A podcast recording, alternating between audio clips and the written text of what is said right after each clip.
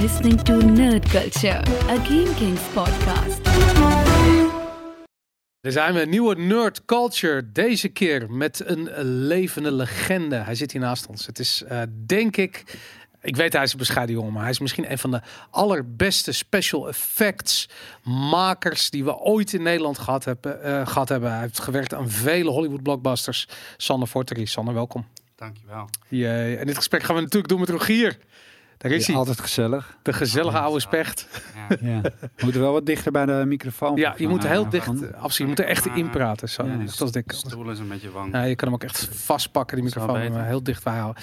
Ehm, het leuke is, de reden dat we dit eh, gesprek met z'n drieën doen, is dat we elkaar al heel erg lang kennen. En dat, eh. Maar hoe oud, denk jij?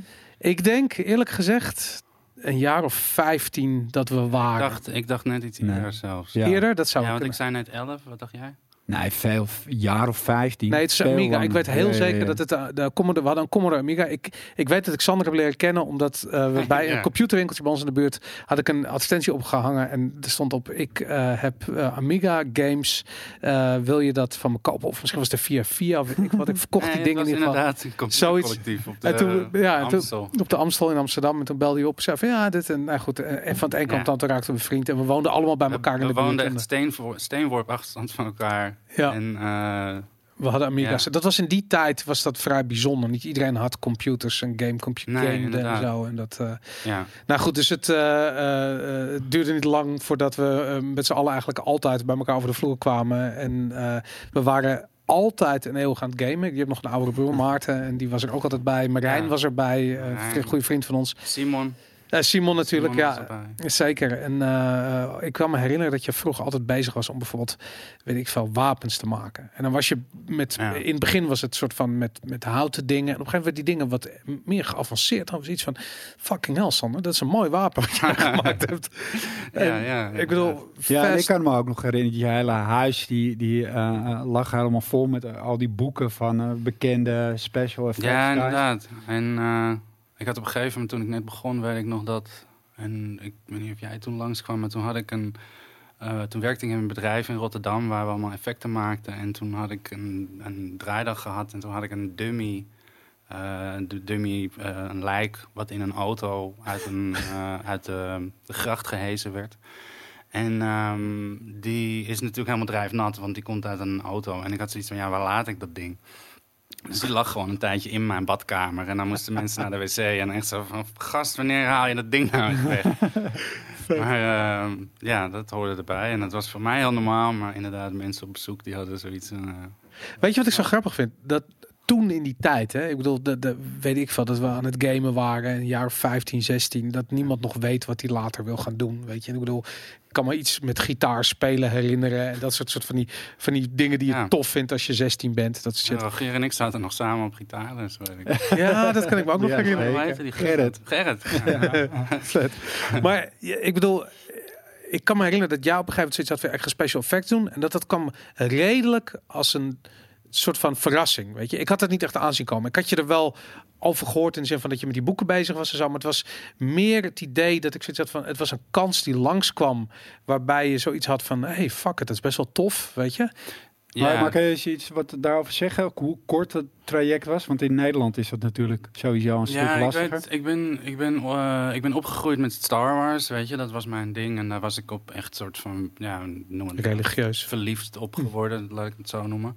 En toen inderdaad al die boeken. En die boeken die behandelden de ehm, eh, prosthetics, eh, visual effects. Dus ehm, ja, dat was toen nog niet eh, computer graphics, maar dat was allemaal, eh, weet ik veel, eh, anim- eh, hoe noem je dat? Ehm, cel, cel, celbelichting, maar dan dus zorgen dat je de ene kant dan belicht en dan met een andere projector een ander stukje belicht. En zo maakte je special effects. En dat, dat vond ik ook ontzettend interessant.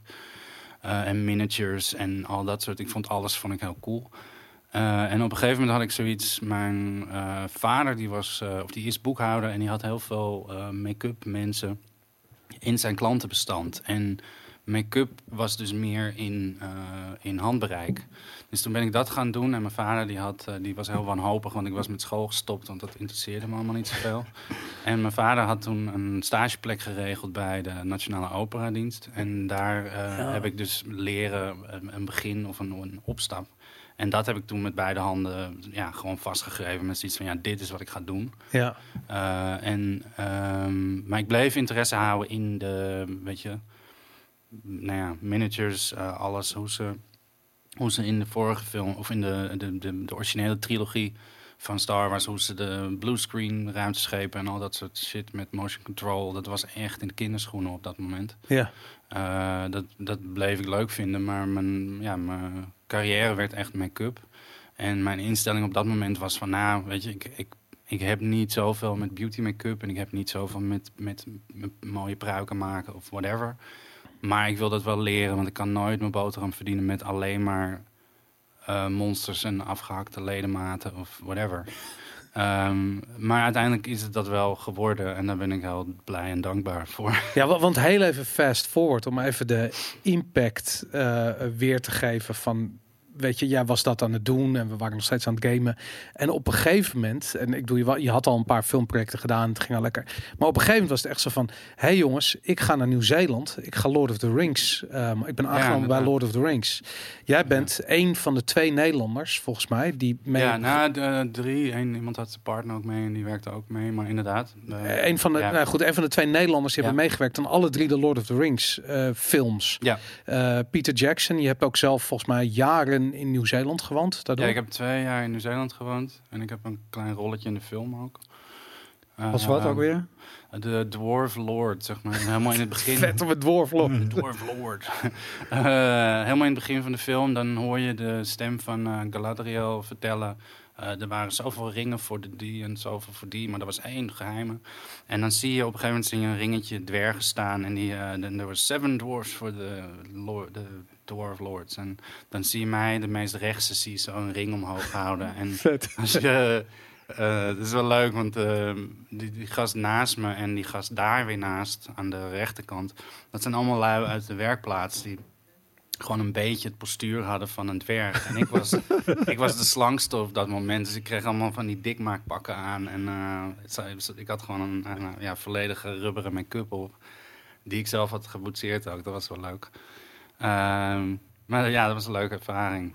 Meestelijk. grappig om mee te maken. En helemaal uh, de... Uh, Weet je, ik heb vaak mensen in mijn stoel gehad als dat je een make-up moest aanbrengen. En dan moest je, weet ik veel, foam, latex uh, of siliconen rubber op iemand zijn huid lijmen en pruiken en al dat soort shit. En um, nu zit ik zelf in de stoel. Ja. En uh, echt, Rogier, die, die, andere Nederlander, goede vriend van me, we werken nog steeds met veel plezier samen. Mhm. Uh, echt zo het eerste wat er gebeurde, en dat was hem volgens mij nog nooit gebeurd, was meteen een druppel lijm in mijn ogen. en ik zei, nou, dat is een goed begin.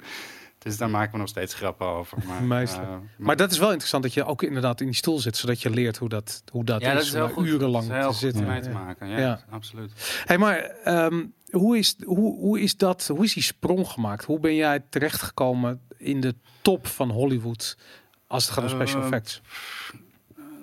Ja, dat vind ik wel hele grote woorden hoor, die je gebruikt. Maar, uh, ja, dat is, oh, uh, nee, ik, zeg maar wat, gewoon kijken hoe ja. je erop reageert. ja, precies.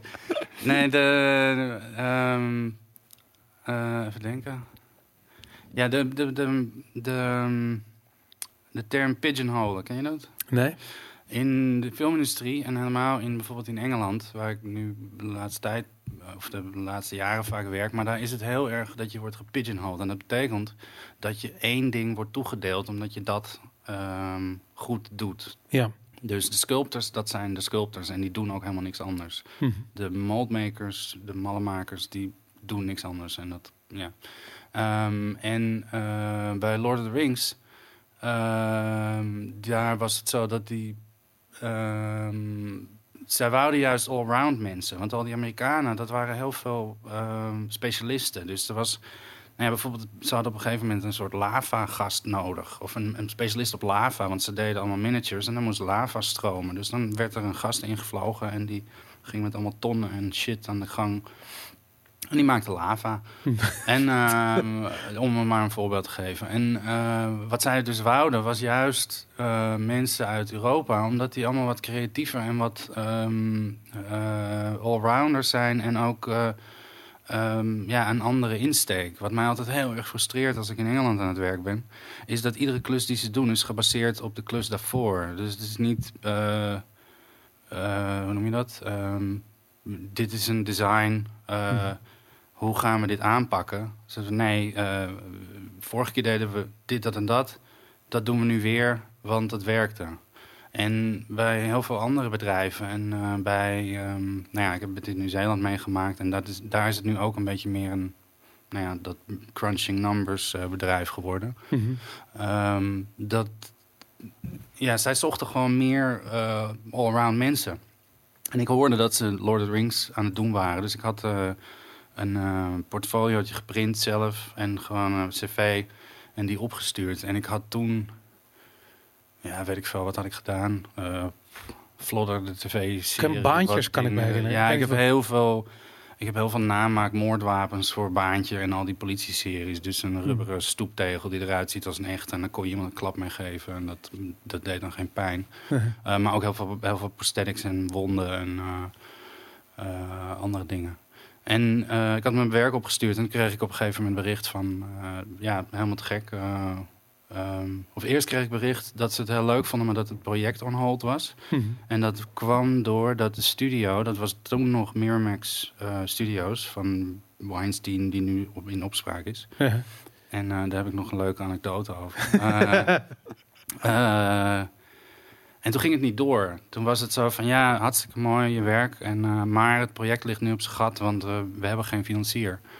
En op een gegeven moment ging het wel door. En toen, ehm, toen begonnen ze zeg maar, met de productie. En toen hoorde ik een hele tijd niks. En plotseling was het, hey, we zitten een beetje in de shit. Kun je over twee weken hier zijn?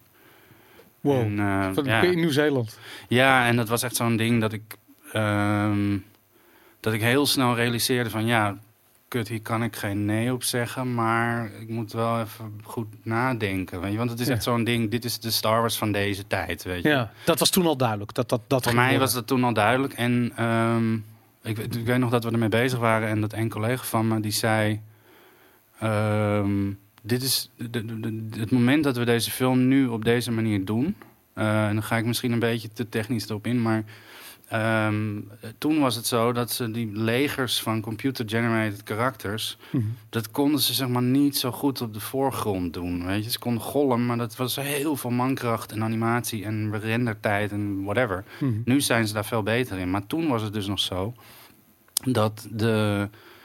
eh, we hadden zo'n regel dat als we 10.000 orks nodig hadden, dan had je 10 orks die foreground ehm, eh, voor close-ups gemaakt werden. Dus dat waren echt volledig make-up helemaal beplakt. Ja. Ehm 20 midgrounds, dat waren net iets betere, maar eigenlijk gewoon van die pullover maskers. En dan bij de ogen beter gemaakt en eh, ja, betere kwaliteit. En dan 80 ehm, gewoon pullover masks of gewoon helmen en een beetje zwart geverfd. Want dat was achter, dus dat zag je niet zo goed. Ja. Dat betekent dus wel dat je 100, eh, 100 figuranten had, orks.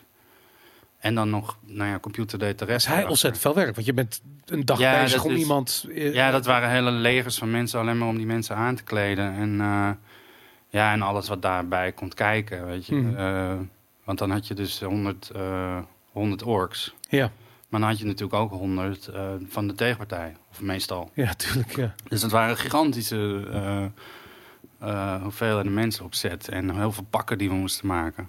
Maar deed je alleen, want jij maakte de, die maskers dus van orks en Ik ook... was het, ja, ik was het meeste was ik in de studio. in, de, in de werkplaats was ik... ehm, eh, ik was hoofd van de afdeling foam latex. En dat, was, dat is de afdeling die zeg maar de... de alle, al die maskers, hobbitvoeten, eh, kostuum. Of een, Voet is natuurlijk ook een ding. Dat was in die film natuurlijk belangrijk. Die Ja, ja, ze dat liepen was- altijd op blote voeten en er was een ding Ja, op de voeten. ja dat was. eh het zijn 1200 paar voeten gegoten of zo. Dat was echt waanzinnig. maar eh, Voetengieter, zou ik een specialiteit. Ja, dat was zeg maar in mijn De departement. Want ik had op een gegeven moment iets van 11 man o- eh, in mijn eh, departement. En eh, dus we moesten heel veel eh, nou ja, eh, pakken. Dat was dan de, de arm en benen. Eh, sommige van die eh, orks of urkhais die moesten voor sommige scènes naakt zijn. Dus dan moesten ze zo'n chest en andere stukjes maken. Maar wat we het meeste nodig hadden, dat was al die, die facial pieces. Dus dat was gewoon een paar van die, een voorhoofdje, een, eh, hoe heet dat, een... kin of een ja, onder, een, kin en een ondergezicht. stukje kin en een stukje bovengezicht en een nek. En een kaal met eh, van die oren. Ja. En daar werd dan een, een ork uit opgebouwd. En hoe, dat- hoe werkt dat? Want ja, je ontwierp dan het, het gezicht of het design. Ja, dat ging allemaal door een hele hoop stappen. En dat we, hebben het niet over computer eh, design. Nee, dat Het werd ging allemaal. allemaal, gekleid en ge, geboetseerd. En eh, de... ehm, ja, ik heb, ik heb een flauw idee hoeveel het er waren. Het waren er honderden. Ehm, en wat, hoe het ontworpen was, dat was dat ze ook... eh, weet je, had een make-up die was echt ontworpen op een bepaald persoon. Mhm. Maar ze hadden het ook zo gemaakt dat ze die dingen allemaal een beetje konden uitwisselen. Zodat ze een ehm, variatie konden creëren voor de achtergrondkarakters. Dus wat eh, bijvoorbeeld bij die... ehm, en daar hebben we het straks wel over. Die, die eh, War of the Ring game. Ja, ja, ja. Daar was dat ook, weet je. Daar hadden we niet de tijd en het geld om die... eh, Shadow of War bedoel je? ja. Of Shadow... Nee, eh, ja, Shadow of War. Shadow voor. Ja. Ja, ehm, en toen hebben we het ook zo ontworpen dat we, die, dat we bij sommigen konden we die oren konden we net iets anders zetten. En bij anderen konden we een helmpje of een haar of een... Weet je, dan op die manier konden we van die background karakters... Maar hoe maak je die, waar begin je? Ga je iemand zijn hoofd of het hoofd van een acteur... Ja, die eh, giet je, die giet je af. Dus Dat maar de- je- ja, hoe werkt dat? Dat werkt dat je nou ja, eerst tegen een eh, acteur heel duidelijk gaat vertellen wat je gaat doen. Want dat is best wel een ervaring. Ja, die acteur die gaat... Eh, praat alsjeblieft goed in de mic. Want Ah ja, die acteur die gaat heel goed rechtop zitten. En eh, je vertelt dus van, nou ja, ik ga je afgieten. Dat materiaal waarmee ik je ga afgieten, dat is hetzelfde waar je bij de tandarts in bijt. Er is nog nooit iemand allergisch voor geweest. Dus het is echt volledig huidvriendelijk, zeg Hm. maar. Gemaakt van eh, gedroogde algen. Eh, en je hebt nu ook siliconen ehm, ehm, afgietmateriaal. Maar dat, ehm, ja, toen was het allemaal alginaat. Eh, eh, en dat is dus waar je bij de tandarts in bijt. En dat maken we dan, al- eh, ja, dat smeer je over iemands gezicht. En dan ademt hij alleen maar voor door zijn neus. Ja. Maar dat is dus best wel een beetje, ja, een vreemde die, weet je. Ja, hoi, ik ben Sander, je hebt mij nog nooit ontmoet. Eh, ik ga zorgen dat jij kan blijven ademen terwijl ik dit ga doen. Ja. Dus het is best wel een beetje En hoe lang zitten ze dan? Eh, een record wat ik heb gedaan, dat was iets van 11 minuten. Maar dat was een gast die moest echt heel snel moest die weer de deur uit. Dus dat was Ja. echt krankzinnig. Maar over het algemeen zitten ze ongeveer 20 minuutjes eronder. Maar en ik bedoel, eh, eh, eventjes om een idee te krijgen. Je hebt daar van Elijah Wood, eh, eh, Jackie Chan, weet ik ook nog toevallig, omdat ik dat gezien heb inderdaad. Ja, die, Dat- die dat op al die- werkplaats. Ja, al die, die, die, die soort van, van, van Hollywoodsterren zitten dan bij in je stoel. En die hebben dat misschien nog nooit eerder meegemaakt. En die hebben zoiets, die hebben natuurlijk een ego van hier tot Tokio. En die hebben zoiets van, ja, dan gaat iemand... Ja, de meeste zijn gewoon best wel oké. Dat is, weet je, Oké. heel veel mensen hebben zoiets van, oeh, het is, weet ik veel wie. Ja, Maar ja, die gast, die veegt ook zijn eigen kont af. Weet Het je. is gewoon werk. een- ja, het is ze gewoon zijn professioneel, ja. Ja, en dat is wel grappig, want bijvoorbeeld zo'n Sean Bean.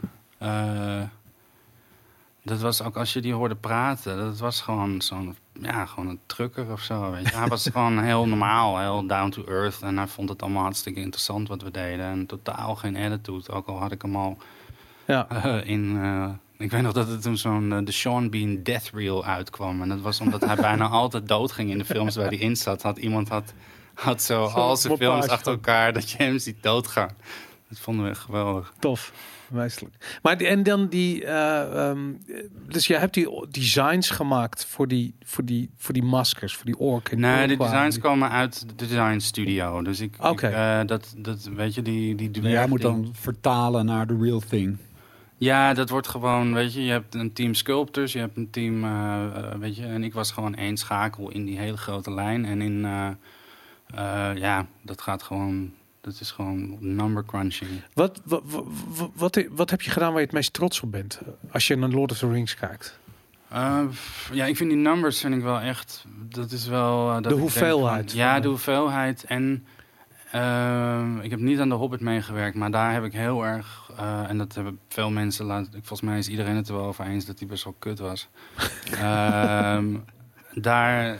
We weten nu waarom, want Sander deed niet mee. Nee, nee, weet je wat daar, ehm, wat daar een beetje het ding was? Was dat ze allemaal van die beslissingen op het laatste moment namen. Dus bijvoorbeeld die, die eh, ik had het gisteren toevallig met iemand anders over, dat die, die orks die ze daarvoor gemaakt hadden, die waren af, die waren klaar en dat was allemaal, dat stond klaar om te draaien. En toen besloten ze op het laatste moment van, oh, we kunnen die dag die niet gebruiken. Nee, dan doen we het allemaal met blauwe sokken over hun hoofd of groene sokken over hun hoofd. Dan doen we het allemaal in de computer. Oh shit. En ehm, dat zie je.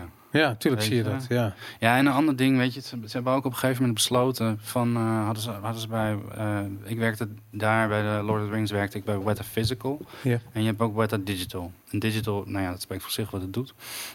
En ehm, de wapens die daarvoor, die ehm, bij Lord of the Rings was het zo, ja, die luiden liepen allemaal met wapens. Dat was dan gemaakt van een, een origineel wapen hadden ze gemaakt en dan hadden ze een mal gemaakt en een kopie. En dat was een, een airpol, een, eh, een soort ja, kunststof wapen. Maar Ja. die lui die liepen wel met een wapen. Je kon daar wel iemand een- echt een map mee verkopen. Ehm, eh, bij de Hobbit hebben ze ervoor gekozen. Nou, we doen, we doen gewoon blauwe, of eh, nee, groene stokken met van die tracking markers erop. Mhm. Want dat is makkelijker voor de stuntmannen. Ja, allemaal hartstikke leuk. Maar dat, dat, ja, ik ben heel analytisch als ik naar een film kijk. Maar dat zie je. ja, want je mist het gewicht of je mist de gewoon ja, de... dat, weet je, dat is de, het gewicht en de physics, maar ook... Ja, ik denk dat een acteur ook, als iemand tegenover jou staat in een groen ding... en daar zegt van, ja, dit is, dit is echt fucking dodelijk... maar het ziet eruit als een lollipop, of ja... ja, Dan heb, je niet. niet die, dan heb je niet die angst. En ja, ik ben de, de- Want we mogen het ook wel een beetje over visual effects gaan hebben, toch? Ja, Ik vind, ja, ik vind het grootste probleem met, met, met eh, visual effects vind ik eh, physics. Dat ehm, natuurkundige wetten. Weet je, je hebt bijvoorbeeld de, eh, in een andere film van Peter Jackson, eh, King Kong. Dan heb je zo'n soort stampede scène waar allemaal mensen rennen tussen allemaal dinosaurussen die voorbij rennen. Mhm. Nou ja, als je, als je ooit op de bus staat te wachten en hij rijdt heel hard langs, dan voel je die wind en die gooit je bijna om. ja. Weet je, daar hadden ze daar totaal geen last van. Dus als ik zo'n scène zit te kijken, dan denk ik van, ah, nee, dit, weet je, dit klopt niet. ja. Weet je, en ik heb het idee dat, weet je, wij zijn allemaal experts op het gebied van physics. Want dat is wat je iedere dag ziet, weet je. Je ziet als een auto voorbij rijdt, physics. Eh, als je fiets omvalt, physics. Ja. Als het dan door de computer gedaan wordt en het klopt, ook maar in het minuscule klopt het niet, Voelt meteen. dan ben je uit je verhaal. ja. Snap je wat ik bedoel? En je weet niet eens per se waardoor het niet klopt. Ja, maar je bent op zich ben je gewoon een expert op het gebied van physics, want je ziet het iedere dag. Ja, Weet je? Maar, maar ik kan me wel. Ik heb eigenlijk twee vragen. Ten eerste ben ik sowieso wel benieuwd hoe eh, CGI jouw werk heeft beïnvloed. Is het, is het, eh, heeft het een bepaalde invloed gehad? Werd je werk Ja. minder? Of, eh, werd nee, niet zozeer anders? minder, maar ehm, weet je, ik heb, ik heb aan een aantal films meegewerkt waarvan ik dacht, eh, nou ja, sowieso wat blijft hiervan over? Want ik heb wel aan dingen gewerkt waarvan ik weet van, oh, dit wordt zo ge, weet je, ook die Shadow of War trailer, er zit zo veel filters overheen. ja. Eh, nou, daar valt het nog wel mee. Ik vind hem heel tof geworden. Maar daarvan heb ik zoiets van, dat is een, d- dat was voor de tweede eh, Shadow of War film. So- Of, eh, game, ja, sorry, game, game. ja, van, en er was een live-action trailer Ja. van, Ja. voor die game gemaakt. Daar hebben ze dus een heel team voor naar Polen of Rusland. Nee, eh, Oekraïne. Oekraïne gevlogen, ja. eh, En daar was jij bij. Jij hebt die, die, die, die, ja, die poppen gemaakt weer. Eigenlijk wat je ook bij Lord of the Rings stuk hebt gedaan. ja. En dat... ehm, eh, eh, ik, ik, laat ik zo zeggen, ik had daarbij heel erg het idee van, ja, het is, omdat het een game studio is, is het zo logisch dat ze die digitale kant op. Het is bijna als in een videogame zijn die, die, die te gedigitaliseerde beelden niet zo'n probleem, omdat je het bijna al verwacht of zo. Ja, nou dat is wel grappig, want toen we dus met die game be of met die, met die eh, trailer bij trailer bezig waren, hadden we een, eh, eh, kregen we karakters. En mijn karakter was Noruk. En Noruk was een eh, ork en die had een, eh, nou ja, een soort beschrijving. Maar dan kreeg ik dus van Monolith, was die Ja, Monolith. eh, kregen we een design van hoe Norok eruit moet zien. Maar ja, zij zijn niet gebonden aan de fysieke aspecten van waar iemand zijn ogen zitten en weet ik veel. Dus het was heel moeilijk om te vertalen. Dus dat werd, uiteindelijk werd dat gewoon een design door, eh, door ons.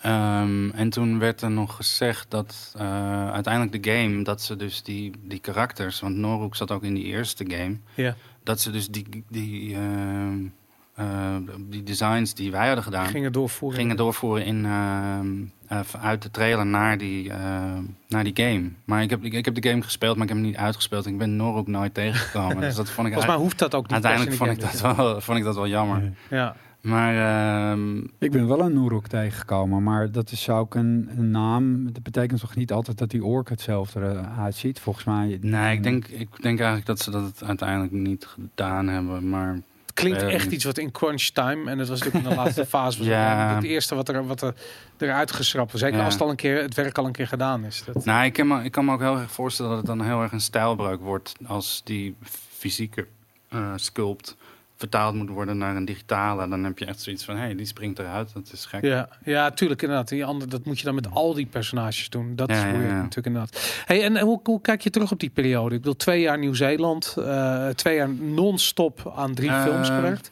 Ja, dat is wel grappig, want ik, ik was vandaag was ik aan het lesgeven op een school hier in Amsterdam. En eh, toen vertelde ik over dat op een gegeven moment word je echt een beetje verwend. Want ik weet dat ik met collega's hadden we op een gegeven moment van... Ja, nu willen we wel eens iets anders, weet je. Alleen maar orks twee jaar lang. weet je, het klinkt heel tof. En het was ook absoluut ontzettend tof. Maar ja, op dat moment hadden wij echt zoiets van... Nou, nu willen we een science fiction film gaan doen. En wat heel grappig was toen, dat was dat we... ehm, eh, je moet het zo voor je zien dat, dat, die film die wordt, eh, of films, die werden gedraaid als één gigantisch lange film. Dus de drie films, nou ja, en je weet dat in de lange versie zijn ze al langer dan drie gewone films. Ja. Ehm, dus het was ontzettend veel eh, eh, script en grote slagvelden, scènes, weet ik wel wat. Mhm. En wij kregen gewoon een hele rits aan. eh, dit is Orc. eh, of Moria Orc 1, Moria Orc 2, Moria Orc 3. En ga zo maar door. Uh-huh. Op een gegeven moment ehm, kregen we.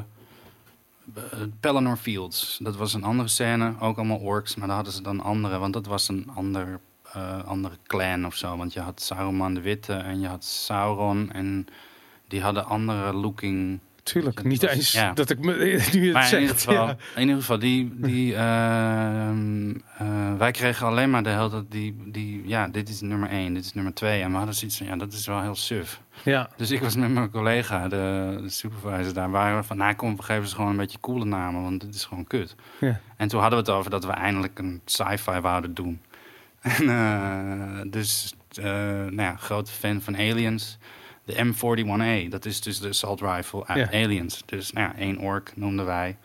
Ehm, M41A. Eh, de auto uit Ghostbusters, Ecto 1. Nou ja, één ork noemden we Ecto 1. Eh, een andere was Ed 209, die robot uit Robocop. En wij hadden zoiets van, ja, maar dat, dat, dan weten wij wat het, welke het zijn. Want die, die cijfers die komen nooit terug bij de productie. ja. En hoe dat ooit gebeurd is, weet ik niet. Maar op een gegeven moment kregen we zo'n call sheet of zo'n lijst. En daar stond zo een hele rare naam op. En we hadden zoiets van, wat staat daar nou? Wat, wat- weet je? En dat was dus M41A. Maar daar hadden hun een soort... Omdat al die orks, die hadden allemaal... eh Griesnak en Snagneg of zo. hadden ze. Ja. Maar die hadden dus dat, die gekke namen die wij bedacht hadden... hadden hun allemaal... had In iemand- vertaald. Ja, en wij hadden dus echt zoiets van... Hé, hoe komen ze daar nou bij? En fuck? dus dat was, dat was wel een goeie. Meestelijk. Hey, ik, kan me, ik kan me nog eh, wat foto's herinneren op Facebook, volgens mij. Dat je met eh Elijah Woods eh, in de kroeg zit. En eh, hoe heet het? Zit er ook bij? Hoe heet ze zijn ook weer? Ehm, eh, Ja, Liv toch- Tyler. Liv Tyler, inderdaad. Ja. Ja, heb, En ik dat- nog, heb ik nog mee gedanst? Kun je nagaan? met Liv? Hoe is het met Liv? Heb je nog contact? Geen idee. Nee. ik heb toen met haar gedanst en... eh, nou, niet eens gedanst. We stonden allemaal een beetje te dansen. En toen op een gegeven moment... Toen, toen, eh, ja, toen beukten we een beetje tegen elkaar aan. En we- ja, we kenden elkaar vandaar. Maar ja. En toen waren jullie Facebook vrienden van het een kwam het ander. Nee, nee, dat heb ik verder niet. Tinder, Toen was er helemaal Swiped hier naar rechts en toen... eh, Nee, inderdaad. Facebook was er helemaal niet. Nee, dat was, eh, nee die acteurs waren tof. Dat was wel... eh, Is dat een beetje een close groep na twee jaar? Ik bedoel, ik kan me voorstellen dat zij niet non-stop daar zijn. ja, die, dat, die club acteurs, die was wel heel... eh, ja, helemaal die hobbits. Want die hebben natuurlijk heel veel scènes samen. Ja, En eh Arwen of eh Liv Tyler wat minder. En, ehm, maar die hobbits die zijn, die zijn altijd samen. Want het waren natuurlijk ook heel veel scènes. Omdat zij kleiner zijn, dat ze een bepaalde interactie niet met die... ja oké. Maar die, dat, ja, dat was een hele echte groep. En eh, ja, ik was wel eens uit geweest met het groepje. En toen waren we bij iemand thuis beland. En dat, ja, dat was wel heel leuk. Hoe, hoeveel mensen werken aan die film? Hoe, ik wil... Een paar duizend. Ja, dat is Ja. gigantisch. Er was een heel dorp ingericht, toch, voor die film. Volgens mij Ja, komen er dat nog steeds toeristen echt- daar kijken. Dat dorp hebben ze laten staan volgens mij, ja. Maar dat, eh, dat was wel grappig, omdat op een gegeven moment was het ook echt zo van... eh, iedereen in Wellington, waar dus die thuisbasis was... eh, iedereen kende wel iemand die aan die film werkte. Ja, Weet tuurlijk. je, dat was gewoon de regel van, oh ja. En ik weet ook nog dat ehm Weta Digital, dat was zo'n bedrijf wat eh, wel heel veel Amerikanen inhuurde. Mhm. Omdat dat, ja, er was gewoon niet zo heel veel bedrijven in eh, Europa die dat deden. Dus ze hadden ontzettend veel Amerikanen. En die, ehm, ja, dat was, die, die overvielen al die sushi-tenten en weet ik veel. dat was echt, die mensen hadden echt zoiets van, oh ja, je werkt toch niet bij Weta, hè? Ja, en ik ik. zei, ja, ik, had zo'n, ik ontmoette zo'n meisje en ik zat zo aan de bar. En, eh, en die, die zei echt zo heel snel van, eh, je, je werkt toch niet bij Weta, hè? En ik zei, ja, maar bij Physical, dus ik ben niet een number crunch eh, computer. Oh nee, dat is goed. Ja, want die zitten de hele tijd bij de sushi tent waar ik werk en die zijn heel vervelend. En, Ja, dat is wel echt een heleboel. Ja. Ja, op zich op, opvallend natuurlijk dat die film ook in Nieuw-Zeeland is opgenomen. Dat kwam door Peter Jackson natuurlijk. Die, eh, Ja, het was echt zijn, zijn project. Het was, hij had echt dat script is helemaal van hem en zijn vrouw. En ehm, ik weet even niet hoe die andere Heb je hem wel eens gesproken?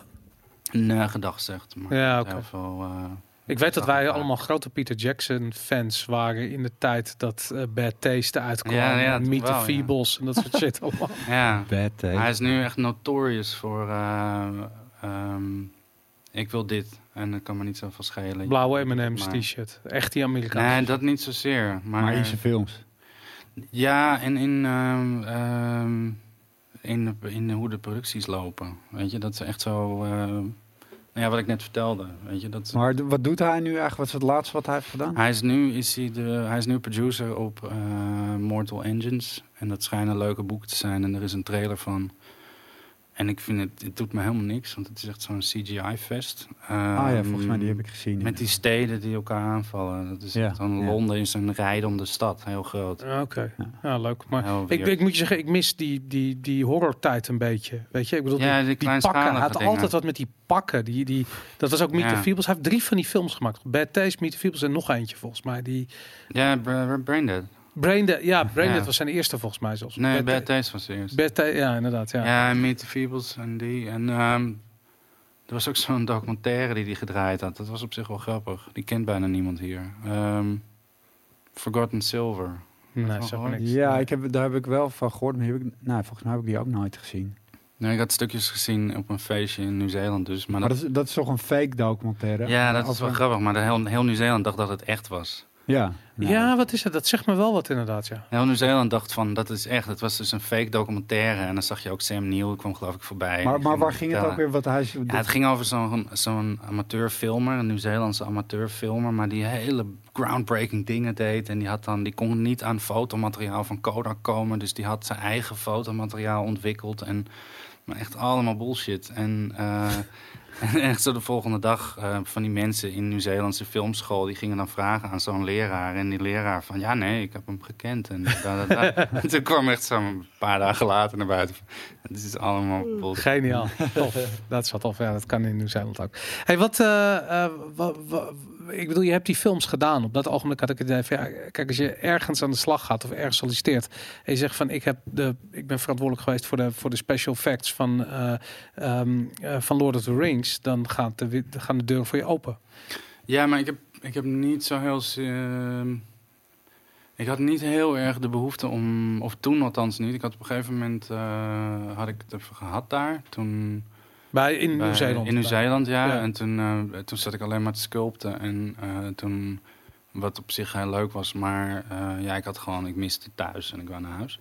Maar heb je dat eigenlijk ook ooit overwogen? Van, want, want voor jouw werk zou je bijvoorbeeld in Ja, LA, ik kan- Hollywood eh, waarschijnlijk meer... Ja, eh, wel overwogen, maar eh, het ding wat ik met LA heb, en ik weet niet of jullie dat ook voelen, dat ik LA heel leuk vind om naartoe te gaan, maar ik vind het ook altijd heel leuk om daar weg te gaan. Na een dag heb ik dat al. Ja, precies. ik vind het, ja, ik vind het absoluut. eh, er is altijd een beurs daar, daar probeer ik volgend jaar weer heen te gaan, de Monsterpalooza.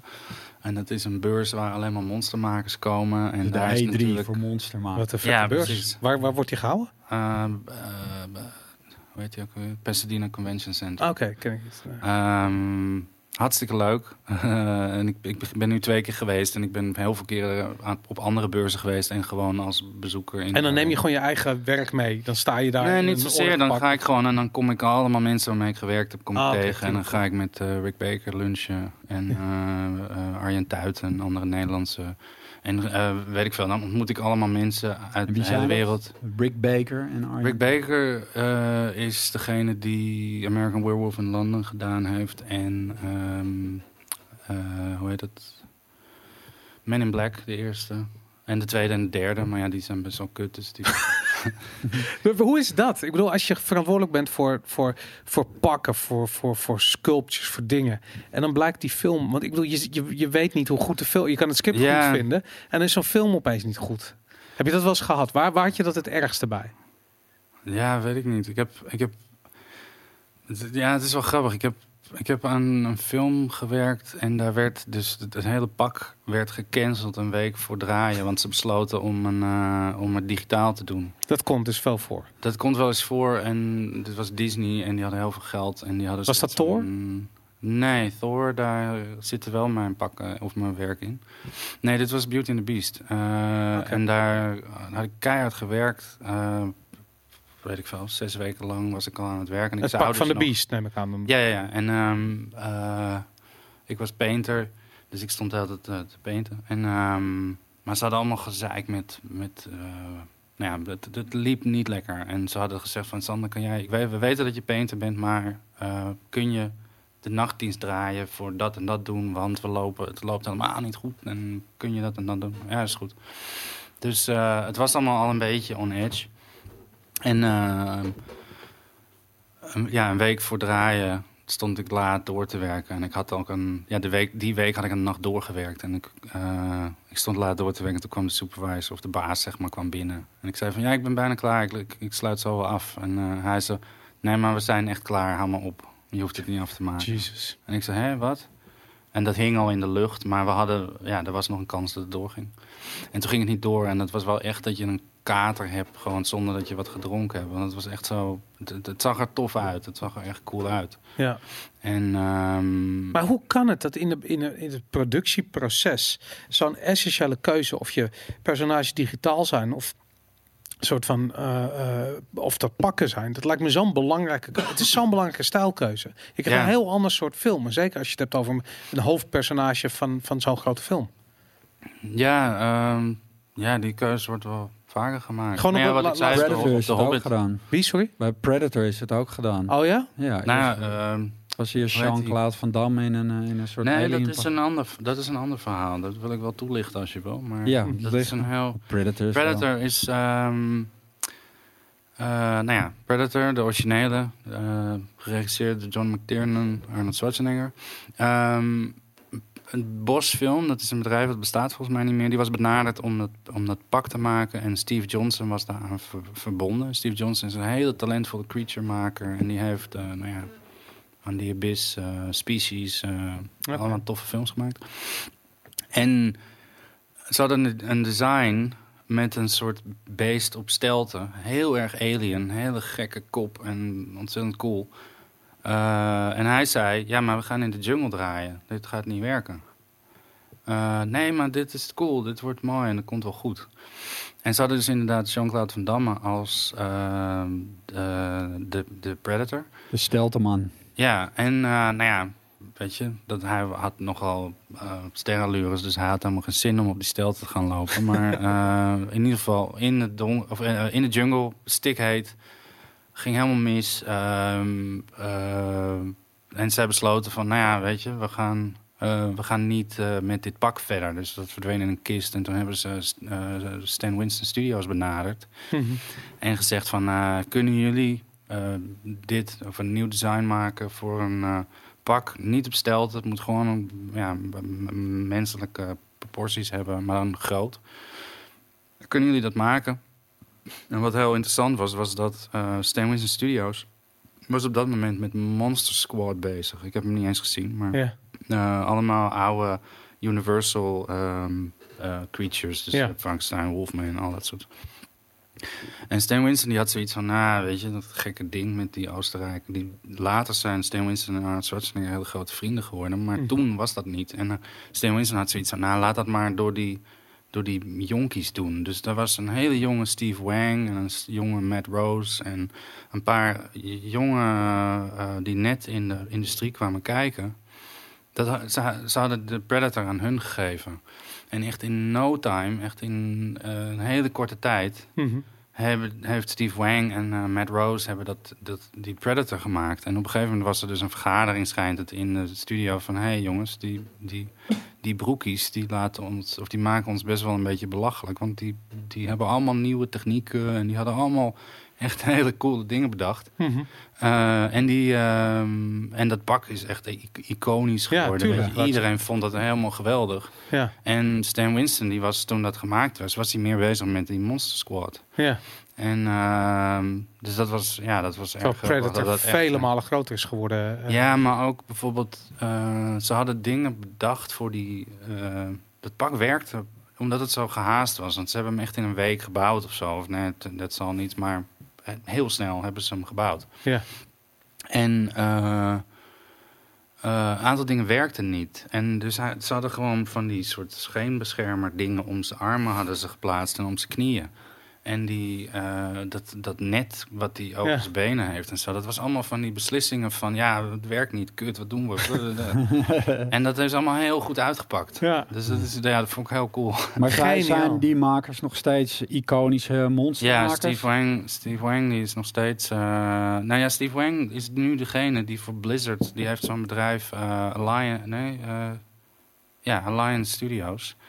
Eh, is Steve Wang en eh, Eddie Yang, die hebben een bedrijf. En die doen voor Blizzard, al die op de beurzen, die eh, Warhammer... Nee, Ja, die pakken. Ja, ja, die, Ja, die, die of die, grote- die, die grote poppen. Ja. Ja, die, en die, die Overwatch, die, die, die speelgoeddozen die in Parijs stond. Ja. Weet je dat nog? Ja. Dat is Steve Wang, dat heeft hij gemaakt. Wat En, eh.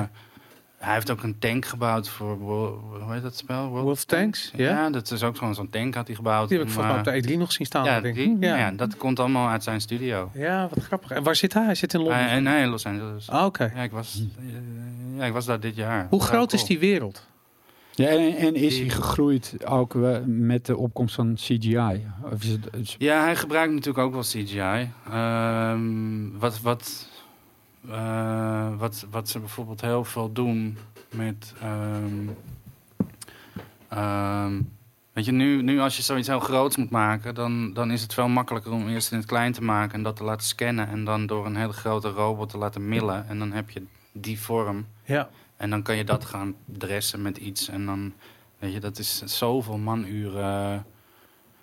Eh hey, dezelfde vraag. Sander, waar ben je meest trots op? Ja, je moet niet naar de, naar de chat afleiden. dan, eh, Ja, het is een podcast, hè, dus mensen gaan Ja, niet, eh, als ze terugluisteren, is de chat. Daar komen we zo op terug. Nee, ehm, ehm, die, ja, dat je ja. dat dus dat gebruikt. En wat heel cool was bij eh, eh, Steve Wang, die had dus... Ja, die, was, die maakt zeg maar zijn eigen bustes van bestaande dingen en van nieuwe dingen en die verkoopt hij. Ja. En hij doet dus creature design en hij werkt nog af en toe in de eh, filmindustrie. Mhm. Maar hij maakt dus heel veel voor Blizzard, Activision, eh, eh, nou ja, dat soort studio's. En dan maakt hij dus. En bijvoorbeeld, oh ja, die, die, die ehm, eh, Horizon Zero Dawn. Ja, Die studio die dat. eh, die robot. Die die robot gemaakt die robot Dino. Eh, ja, ehm, Spectral Motion. Ja. Dat is een studio waar, waar ik ook wel eens geweest ben om een praatje te maken. Ja. Ehm, maar dat zijn de lui die, ja, die Hellboy en eh, weet je, dat zijn dat soort bedrijven allemaal. Dus die, die ehm, Maar en, en hoe groot is dat dan? Ik bedoel, als ik zeg dat er werken er Dat- duizend man op de wereld. nee, nee, nee, nee, nee, nee, dat zijn kleine bedrijfjes. Van twee, Ja. drie man die dat gewoon. Nee, wel meer, maar eh, en het is allemaal heel eh, ehm, eh, project eh, specific natuurlijk. Weet je, als je een hele grote klus hebt, dan halen ze een hele hoop mensen in en dan pompen ze even zo. en dat zijn ook altijd dezelfde mensen. Soort Ja, en, en daar heb je ook gewoon, want je hebt, je hebt daar wel ook dat pigeonholen, dat je dus één iemand hebt die ontzettend goed is in molds maken. En er is Ja. één iemand die is echt super met alleen maar contactlenzen maken of eh, Ja. weet ik veel, haarwerk. Jij bent daar niet zo'n fan van, hoor ik, aan het pigeonholing. Nee, nou ja, ik, het is wel, het is handig, want, eh, maar ik, in Nederland kan je dat niet doen, want dat is, dat is is geen industrie te klein voor. Ja. Maar En in, in, in Londen, omdat ik dus heel veel, eh, omdat ik heel veel foam gerund heb en zo, ehm, dat is dus dat, dat met die chemicaliën een beetje een specifiek eh, ding, weten ze heel vaak me op dat te vinden. Ja, Maar dan is het voor mij frustrerend, omdat ik zeg van ja, maar ik kan ook, eh, ik kan ook op set kan ik ook die make-ups aanbrengen. En ik kan ook dit, en ik kan ook sculpten, ik kan ook dit en dat Ja. en dat. En dat vergeten ze heel vaak. En dat is ook heel vaak de... ehm, eh, er was eens een Amerikaanse collega op eh, Lord of the Rings en die had zo gezegd van ja, als je, als je het niet leuk... eh, wat was het nou? If you don't like it, don't be too good at it. En dat was Ja, zijn, ja. zijn werkwijze van ja. Ja. je moet gewoon niet altijd goed zijn in dat aspect. Anders word, je, anders word je daarin ingedeeld. ja. Ja, en dat, dat vind ik een hele foute instelling. Maar eh, er zijn genoeg mensen die op die manier eh, Ja. met dat werk omgaan. Ja, want ik kan me ook herinneren dat je op een gegeven moment was je een beetje zoekende. Want ik, ik, we hebben een keer een gesprek gehad en toen zei je van ja, ik zit erover te denken om naar LA te verhuizen. Omdat daar gewoon in Hollywood is werk. Maar Ja. je had geen zin om daar te wonen. En die had juist iets van ja, weet je, of je gaat echt in Amsterdam settelen, of je gaat naar het buitenland Ja. toe. Eh, ik bedoel, het, het lijkt ja, me dat moeilijk zo'n dat was industrie. lastig. Nou, helemaal, die, die, die filmindustrie is gewoon... eh, weet je, af en toe dan is er zo'n investering of een eh, nieuwe belastingvoordeel... en dan wordt er plotseling weer heel veel gemaakt in Nederland of wat dan ook. Mhm. Maar als je, eh, ja, als je dit werk wil doen, dan moet je of naar L.A. of naar Engeland. Ja, In Engeland, daar wordt wel echt heel veel gedaan. En, eh, Zonder geen vodka? nee, ik hou het bij een biertje. Nog een Dus biertje. ja, eh, nee, ik heb nog. Ik kom er amper aan toe. Kijk. Ga verder. Ehm, eh, ja, in Engeland daar wordt Star Wars gedraaid en daar wordt, eh, weet ik veel, dat Disney. eh, je hebt daar een aantal studio's, de Pinewood Group, en die hebben Pinewood Studios, Shepperton Studios, eh Longcross. Dat zijn allemaal hele grote, oude. Eh, d- ja, eentje is een oude, eh, zo'n eh, luchtmacht, eh, oude basis. Ja, en daar hebben ja, ze ja. gewoon omgebouwd en daar werd, eh, nou ja, daar wordt Harry Potter. Werd, oh nee, dat is Leavesden Studios.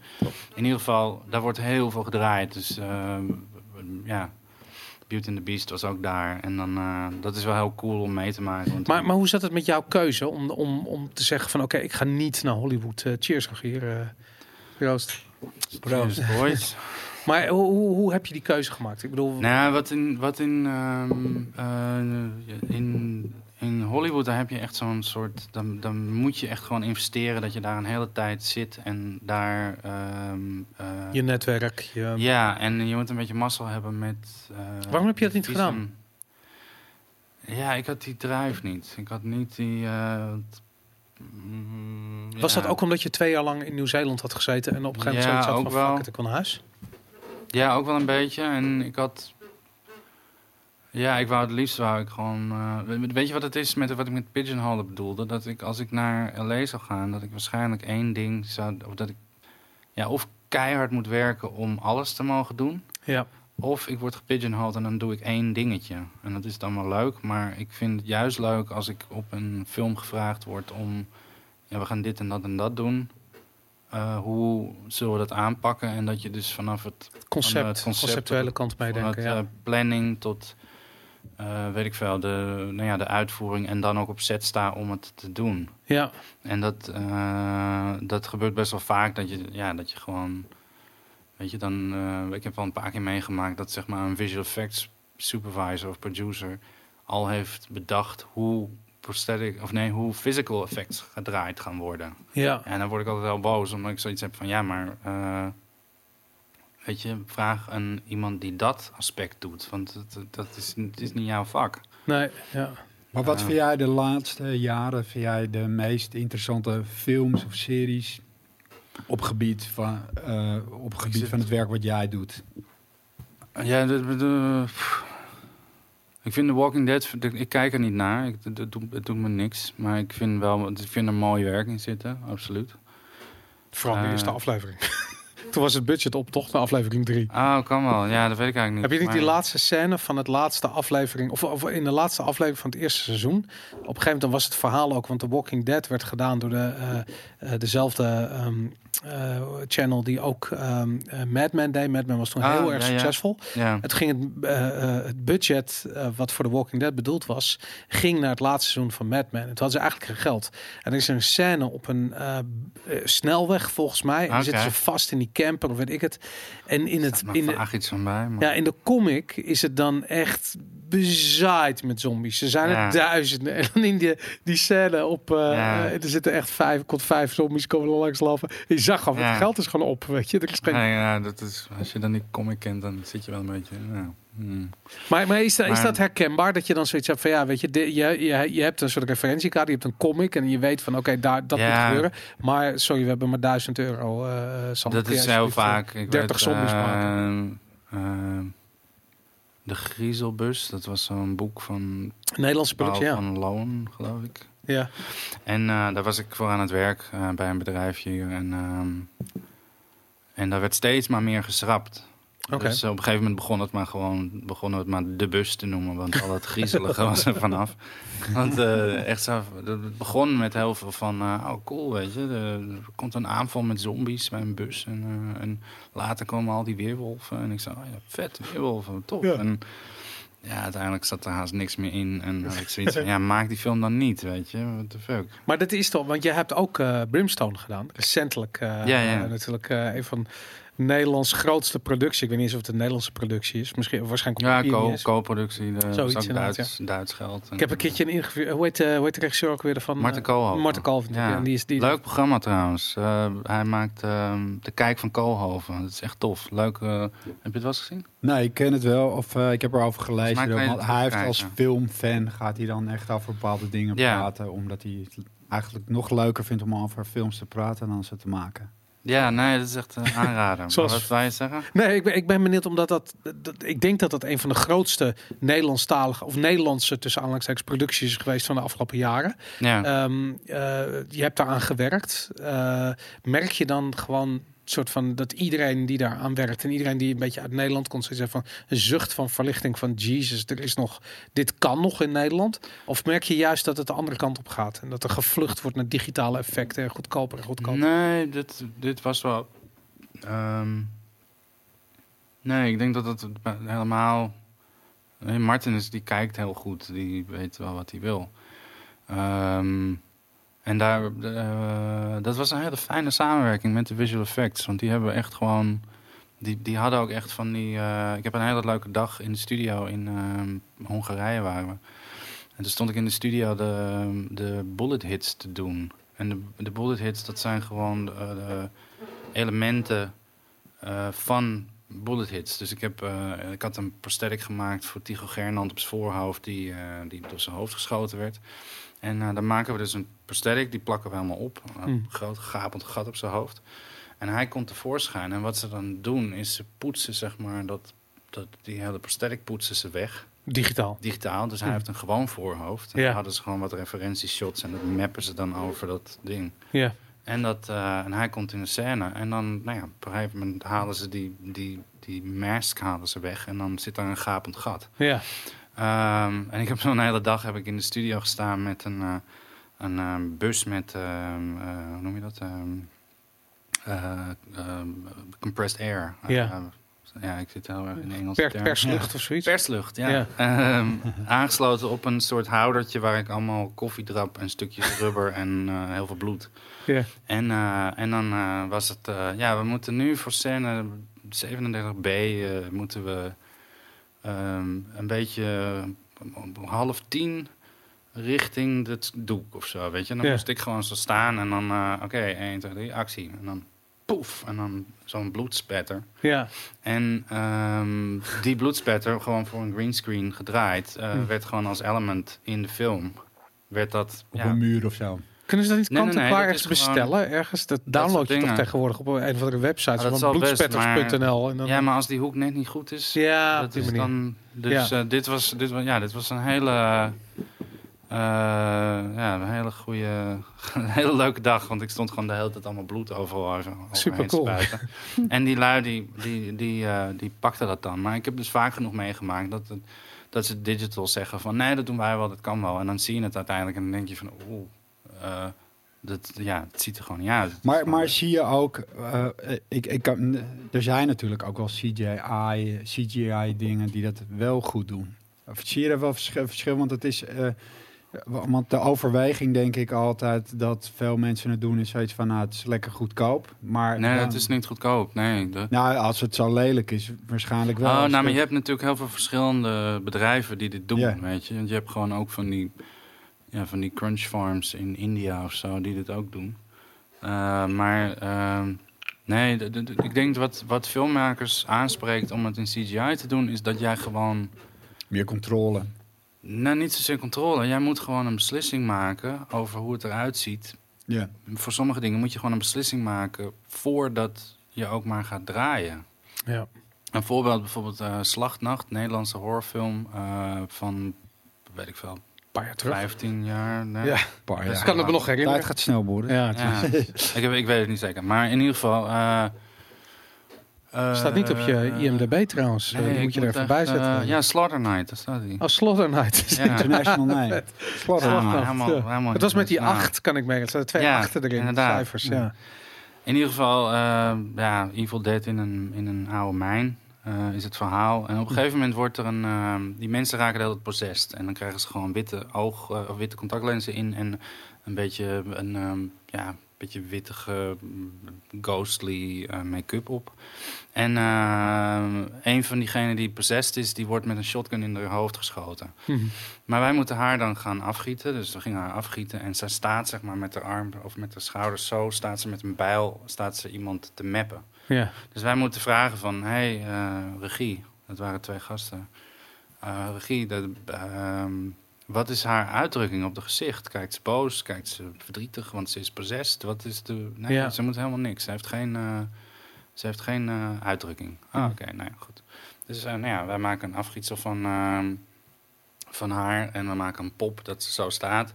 En we maken drie hoofden van een ehm, spul wat makkelijk te, om te exploderen is. Mhm. En we vullen die helemaal met eh, allemaal blood and guts en stukken rubber en nou ja, weer koffiedrap en bloed.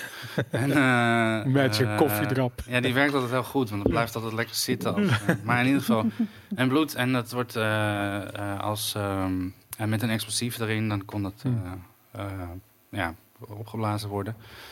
En toen kwam die, die regisseur van, ja, eigenlijk is het wel beter als ze een beetje boos kijkt. En wij zo, "Nee, ja, dat kan niet, want wij hebben Hm. die, die cast, daar, daarom vroegen we dat.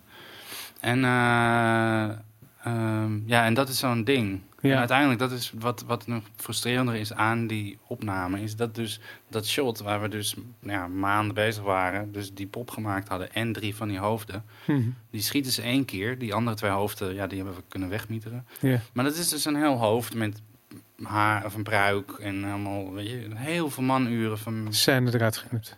Nee, dat niet. Eh, de scène is zo snel Ja. eh, dat je het ook met een watermeloen had kunnen filmen. Ja, Want ja, Het is ja. echt zo... eh hoe heet die? Kurt Rogiers speelde een gast en die ligt op de grond met een shotgun. En ik weet even niet meer hoe zij heet. Zij staat ze met een bijl, staat ze zo te meppen. En hij is dus die, de ding aan het laden terwijl hij het afweert met die shotgun. En Hm. zij haalt nog een keer uit en dan net klak klak. En dan, eh, nou ja, klak klak. En daarna is het boom. Ja. Maar dat boom, dat was echt gewoon, het was niet eens een seconde. Dus Ja, even ja. om en dan meteen paf. En dan zie je eigenlijk al meteen die dummy op tafel vallen zonder hoofd. Ja, ja. Dus als we gewoon alleen maar een, eh, die dummy die was er toch al. ja. We alleen maar die watermeloen hadden. En wat was is dan de beslissing daarvoor geweest? Dat die Over welke film gaat dit? Slachtnacht. Ja. Iemand vraagt welke film. Ja, dus de, de chat die loopt mee natuurlijk voor de mensen Ja. die luisteren. Hey, maar wat, wat, wat, is dan de beslissing uiteindelijk geweest om dat, eh, om dat dus zo kort te maken? Ja, dat zit in de editing en de regie. Dat is maar gewoon dan is het helemaal out of our hands. Ja, daarom dat, inderdaad. dat zie ik pas in de bioscoop. En het ding in de bioscoop, is, want ik had het later met die regisseur erover. En hij zei zo van, ja, volgens mij stond de projector iets sneller. En dat is dus een trucje. Ja, dat ook nog, Dat ja. doen ze wel eens. Eh, als je zeg maar, eh, als je zeg maar een film hebt die 2,5 uur duurt. Als je als een pathé, zeg maar, eh, een 2,5 uur durende film, als je die net ietsje sneller kan Kun je hem nog een keer zetten, laten zien? Volle dan zaal. kan je misschien net nog een andere viewing in calculeren. Het slagnacht was dat zo vol elke voorstelling. avond, man. dat, het- dat moest nee, dat niet. Maar dat is dus wel wat gebeurt. Dat, Ja. die, die projecten die kunnen ze een beetje tweaken. Eh Bizar dat je dat... oh ja, de Weinstein-anekdote. ja wat, wat was de Weinstein-anekdote? Je had hem beloofd. Eh, Peter Jackson die was zo... eh, die was dus met, bij Weinstein thuis geweest. En, Ja. en mijn, mijn baas bij Weta ook. En die vertelde later ook van... ze van ja, dat was echt zo, dat huis man. Echt een Picasso in de wc. En dat was echt gewoon overal geld smijten. Hm. En ehm, eh, op een gegeven moment, de, ja, we waren al flink in productie. Mhm. En eh, ik weet ook helemaal niet of hij in de film zit, maar we- er was dus een karikatuur Weinstein Ork gemaakt. dus dat was gewoon, hij heeft een heel pokdalig gezicht. En eh, op een gegeven moment kreeg ik een mal en eh, zo, ja, kan je deze uitgieten en een beetje stilhouden of zo. En dat was dus een, ja, een ork, dus wel zo'n orkneus, maar het was heel duidelijk was het Weinstein.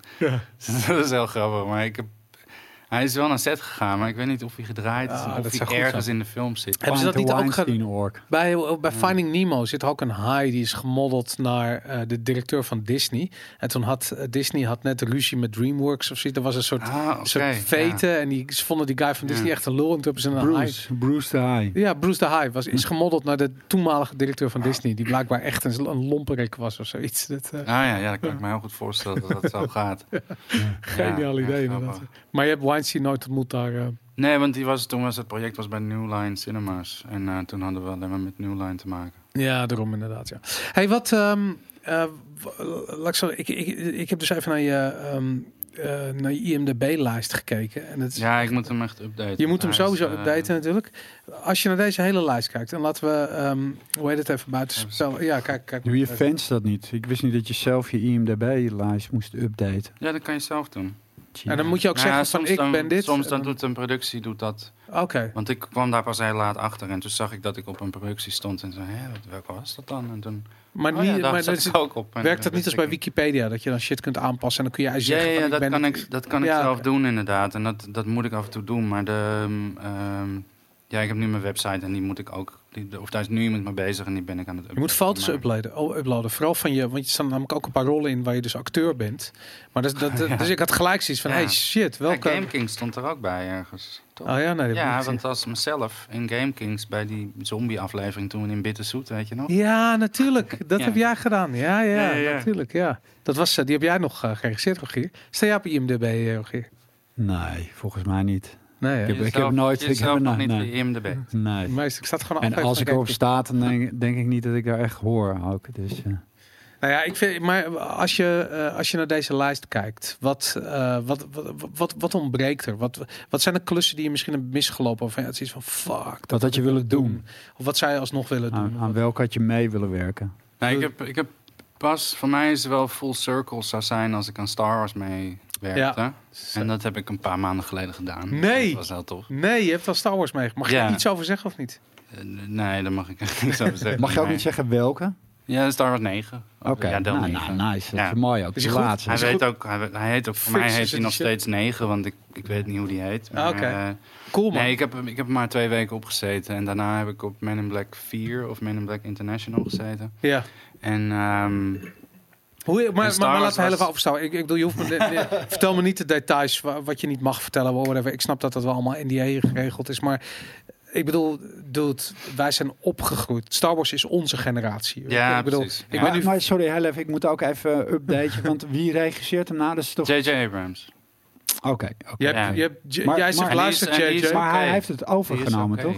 Maar hij heeft het overgenomen, Ja, toch? want ehm, wie zou hem nou doen? Iemand anders zou hem doen en toen werd hij ontslagen. En toen... eh, Ja, ik weet al. Die gast, die Lego. Die, die, die Lego. nee, dat was tijdens Han Solo. Die twee gasten Oh, zijn ja, ontslagen, Ja, maar daarnaast zou Ryan Johnson, geloof ik. Ryan Johnson is Nee, die, die, Die, die, die had Die zou de tweede doen, maar dat ging toen niet door. Maar in ieder geval J.J. Abrams. eh, nee, Ryan Johnson Die heeft doet hem. Want. Ryan Johnson heeft dat samen met die Kathleen Huppeldepup. eh eh, eh, die, die waren best buddies. En toen heb je die politiek correcte toestand gekregen met, eh, eh, hoe heet het, de The Return of the Last Jedi. Ik vergeet die namen de hele tijd. De laatste film die zo fucking slecht was. En daarna Ja, kwam Solo nog. En toen, eh, ja, toen ja, die heb ik gewoon echt heel, die heb ik in het vliegtuig gekeken, man. Dus gewoon een soort van heiligschennis. Maar klein schermpje. klein En kutschermpje. En het- je en hoeft hem ook niet meer nog een keer ik hoef hem zeker niet nog een keer te zien. Maar goed, maar goed dan, dan, dan ben je dus. Ik bedoel, je bent van de Star Wars generatie, weet je. Van de generatie dat Ja, die, die drie films waarmee we allemaal zijn opgegroeid, wat fucking die shit was fucking heilig. En dan eindelijk kun je dan aan Star Wars meewerken. Is dat? Laat ik zo ja, zeggen. ik was nerveus, absoluut. Ja, te gek. Ja. Maar hoe gaat dat? Ik bedoel, dan loop je naar die set Hoe gaat binnen. dat? Ehm, Zie een lightsaber was- liggen, ga hem dan even aanraken? weet Nee, ik ben niet op set geweest. Ik was alleen maar in de creatures department, was ik creatures aan het maken. Maar ehm, nee, wat ik, wat ik, want ik mag niks details zeggen, Nee, dan daarom. krijg ik echt shit. Ja. Ehm, wat ik heel tof vond was dat Pinewood Studios, dat is een gigantisch terrein in, Ja. wat is het? Het westen van, westen van Londen. Ja. Eh, gigantisch terrein. Heel veel studio's, heel veel geschiedenis ook. Want het is echt zo de, de, de, de, de James Bond stage of zo.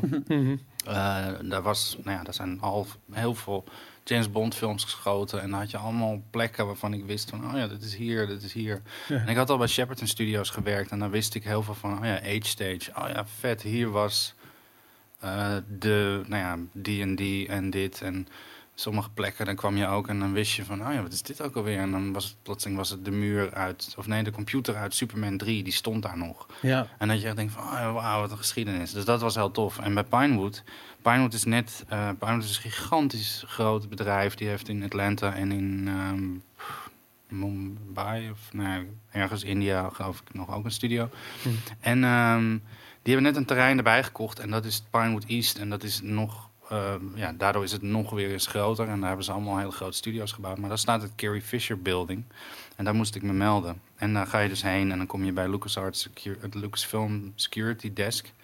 Nou ja, en dat is allemaal Star Wars themed. Dus daar kom je en dan, ah, wat kom je? eh, ja, ik kom de Creature Department kom ik eh, mee helpen. Hm. En dat was al heel tof, want dat, ja, dat Heilige grond. zoiets van wauw, weet je. Ja. En dan krijg je je pasje en weet ik veel. En, eh, je mag niet over Star Wars praten. Het is allemaal codenamen en al dat soort dingen. Maar op een gegeven moment was, ehm, terwijl ik daar was, eh, was J.J. Abrams was jarig. En, die, eh, en toen was het van ja, om, om drie uur J.J. Abrams is jarig. Ga allemaal naar de Carrie Fisher Building. En ik was dus wel voor het gebouw geweest en heel even in de lobby, maar niet verder. En eh Carrie Fisher Building, dat is dus een gebouw. Dat is gewoon het gebouw van Lucasfilm. Dan kom je dan binnen. En ehm, allemaal aan de muur, allemaal foto's. En nou, serieus, ik heb, ik heb heel veel Star Wars of, eh, boeken over de originele trilogie. Ja. En daar hingen allemaal foto's die nog nooit gepubliceerd zijn. Dus ik zat al echt zo vet. En dan moet je dus met de lift naar de derde verdieping waar J.J. Abrams eh, kantoor was. En die lift is gewoon ja, bijna dezelfde consoles als eh, de Star Destroyers. Vet. Dus die lift, eh, en ik was zo met eh, Brian, een collega van me. En wij zeiden, oh, oh ja, wat vet, moet je dit zien. En dus wij gaan in die lift. En de binnenkant van die lift was gewoon R2-D2. Dat was al die panelen blauw met wit. En ook zo die knoppen was R2-D2. En wij zo, ja, Is er niet foto's te nemen zo voor Instagram? Nee, dat durfde ik niet, omdat ze zo streng zijn, weet je. Ja. En, ehm, en op een gegeven moment, nou, die lift gaat open en dan kom je boven en dan kom je dus bij een, eh, een hal en daar was J.J. Abrams en daar was taart en champagne en weet ik veel. Hm. Maar heel veel crew natuurlijk, want het Ja. is costumes, armor. eh, 500 man. eh, ja, heel ja. druk. Ja. Dus nou ja, even een stukje taart en weet ik veel. En toen zo lang mogelijk nog even in dat gebouw blijven. Want het was echt zo'n walhalla aan toffe foto's. En het trappenhuis naar beneden hing ook met... ehm, nou ja, ook wat dingen van andere Lucasfilm. dus Indiana Jones en wat props en wat... Mhm. eh, hoe heet het? ehm, glazen cabines met een, met een prop of een miniature of wat dan ook erin. En dat was voor mij was dat... eh, dat was heel tof. Wat vet. Ja. Is, is Lucasfilm nog een zelfstandig bedrijf? Ik bedoel, het is door Disney gekocht natuurlijk voor 2 miljard, die beroemde deal. Maar als je, merk je daar wat van als je daar bent? Heb je het gevoel dat je bij, bij LucasArts bent? Of heb je het idee dat je bij Disney bent? Nee, het is wel heel Disney. Lucas heel Film grappig- is natuurlijk, het is niet Lucas Art. Ja, wat heel grappig is, is dat eh, ik, heb, ik had al voor Marvel had ik al voor films gewerkt. En Marvel is ook Disney. Ja. En op een gegeven moment, eh, ik, weet, ik weet nog dat ik op eh, Thor The Dark World zat. En ehm, we waren aan het werk. En toen kregen we allemaal een memo. En dat was de, de, de, god hoe heet het ook alweer? De, ehm, eh, nou ja, de, de, hoe je met elkaar om hoort te gaan tijdens het werk. En we Ja. waren allemaal freelancers. Dus dat was heel gek, omdat je dan, dan moesten we naar een ruimte. ehm, eh, naar een ruimte waar een advocaat ons allemaal ging vertellen wat we allemaal wel en niet mocht. Is dat dat je soort van niet langer dan drie seconden naar een vrouw mag kijken en zo? Dat, dat soort... Nou, zover ging het niet. Maar het was wel zo dat we geen poster van David Beckham in zijn ondergoed of zo mochten ophangen. Eh, Dat was een voorbeeld. Dat is niet mijn idee, maar dat kwamen zij mee. Heb je dan niet zoiets van, jezus, het enige wat ik nog wel is een poster van David Beckham Ja, zijn ondergoed ophangen. Ja, nee, maar dat was, eh, daar kwamen allemaal van die voorbeelden voorbij. Van dat we niet mochten. We mochten bijvoorbeeld niet zeggen van. eh, oh ja, heb je gisteren Game of Thrones gezien? Ja, die, die, die tieten van Khaleesi waren wel. wow, weet je, dat mocht allemaal niet. En, eh, Weird, wat een raar ja, dat was heel raar. Dus iedereen die had ook zoiets. En heel veel mensen waren heel druk op dat moment. Dus die Ja. hadden allemaal zoiets van fucking anderhalf uur van mijn tijd. Maar je zit luisteren naar die onzin. Ja, En, ehm, en een andere collega die zei zo van... eh, en zei, ja, maar als, je moet je wel voorstellen dat als zij dat wilden besteden... want we werden wel allemaal doorbetaald... dan Hm. zijn ze hier wel om te blijven. Weet je, dat betekent wel dat als zij dus, dat willen investeren in ons als... eh, ehm, ja, daar zit wat in natuurlijk. ja, dus ik had zoiets, ah ja, zo kan je daar ook naar kijken. En, ehm, maar iedere film die ik daarna deed, eh, Guardians of the Galaxy, eh, Opnieuw Star Wars, is weer van, eh, oh ja, en Beauty and the Beast. Hm. Weer die talk van, van, ja, heb jij al de compliance training video, nee, de, nou ja, ik weet niet meer precies hoe het heet, maar Mhm. ben jij dat ding al gaan doen? En ik zei zo, ja, ik heb het, ik sta op die lijst, ik hoef hem niet te doen. Ah, oké, nee, want anders, als je er wel op, of als je er niet op staat, moet je hem wel doen hoor. Want anders, Ze houden dus helemaal niet bij. ja, nee. nee, nee, maar dat is op iedere, weet je, het zijn allemaal, maar ja, is gewoon een Disney-advocaat die daar dan staat. En dat Ja. was wel grappig, omdat die, weet je, ja, je zit daar gewoon een beetje, een beetje glazig voor je uit te kijken. Maar heel veel van die chippies, eh chippies zijn de, de, de, ehm, de, de koorbouwers. Ja. Ja, die zijn allemaal wat korter door de bocht. Dus die gingen wel allemaal van die vragen stellen van... ja, maar eh, weet je, mogen we niet meer flirten met de collega's? En, eh, dat- dat- dat, weet je. Ja. Alleen aan Weinstein, zeggen ze. Ja, alleen Weinstein mag het maar zeggen. Alleen als je helemaal bovenaan staat. Wat zullen daar grappen over gemaakt zijn? Ongelooflijk.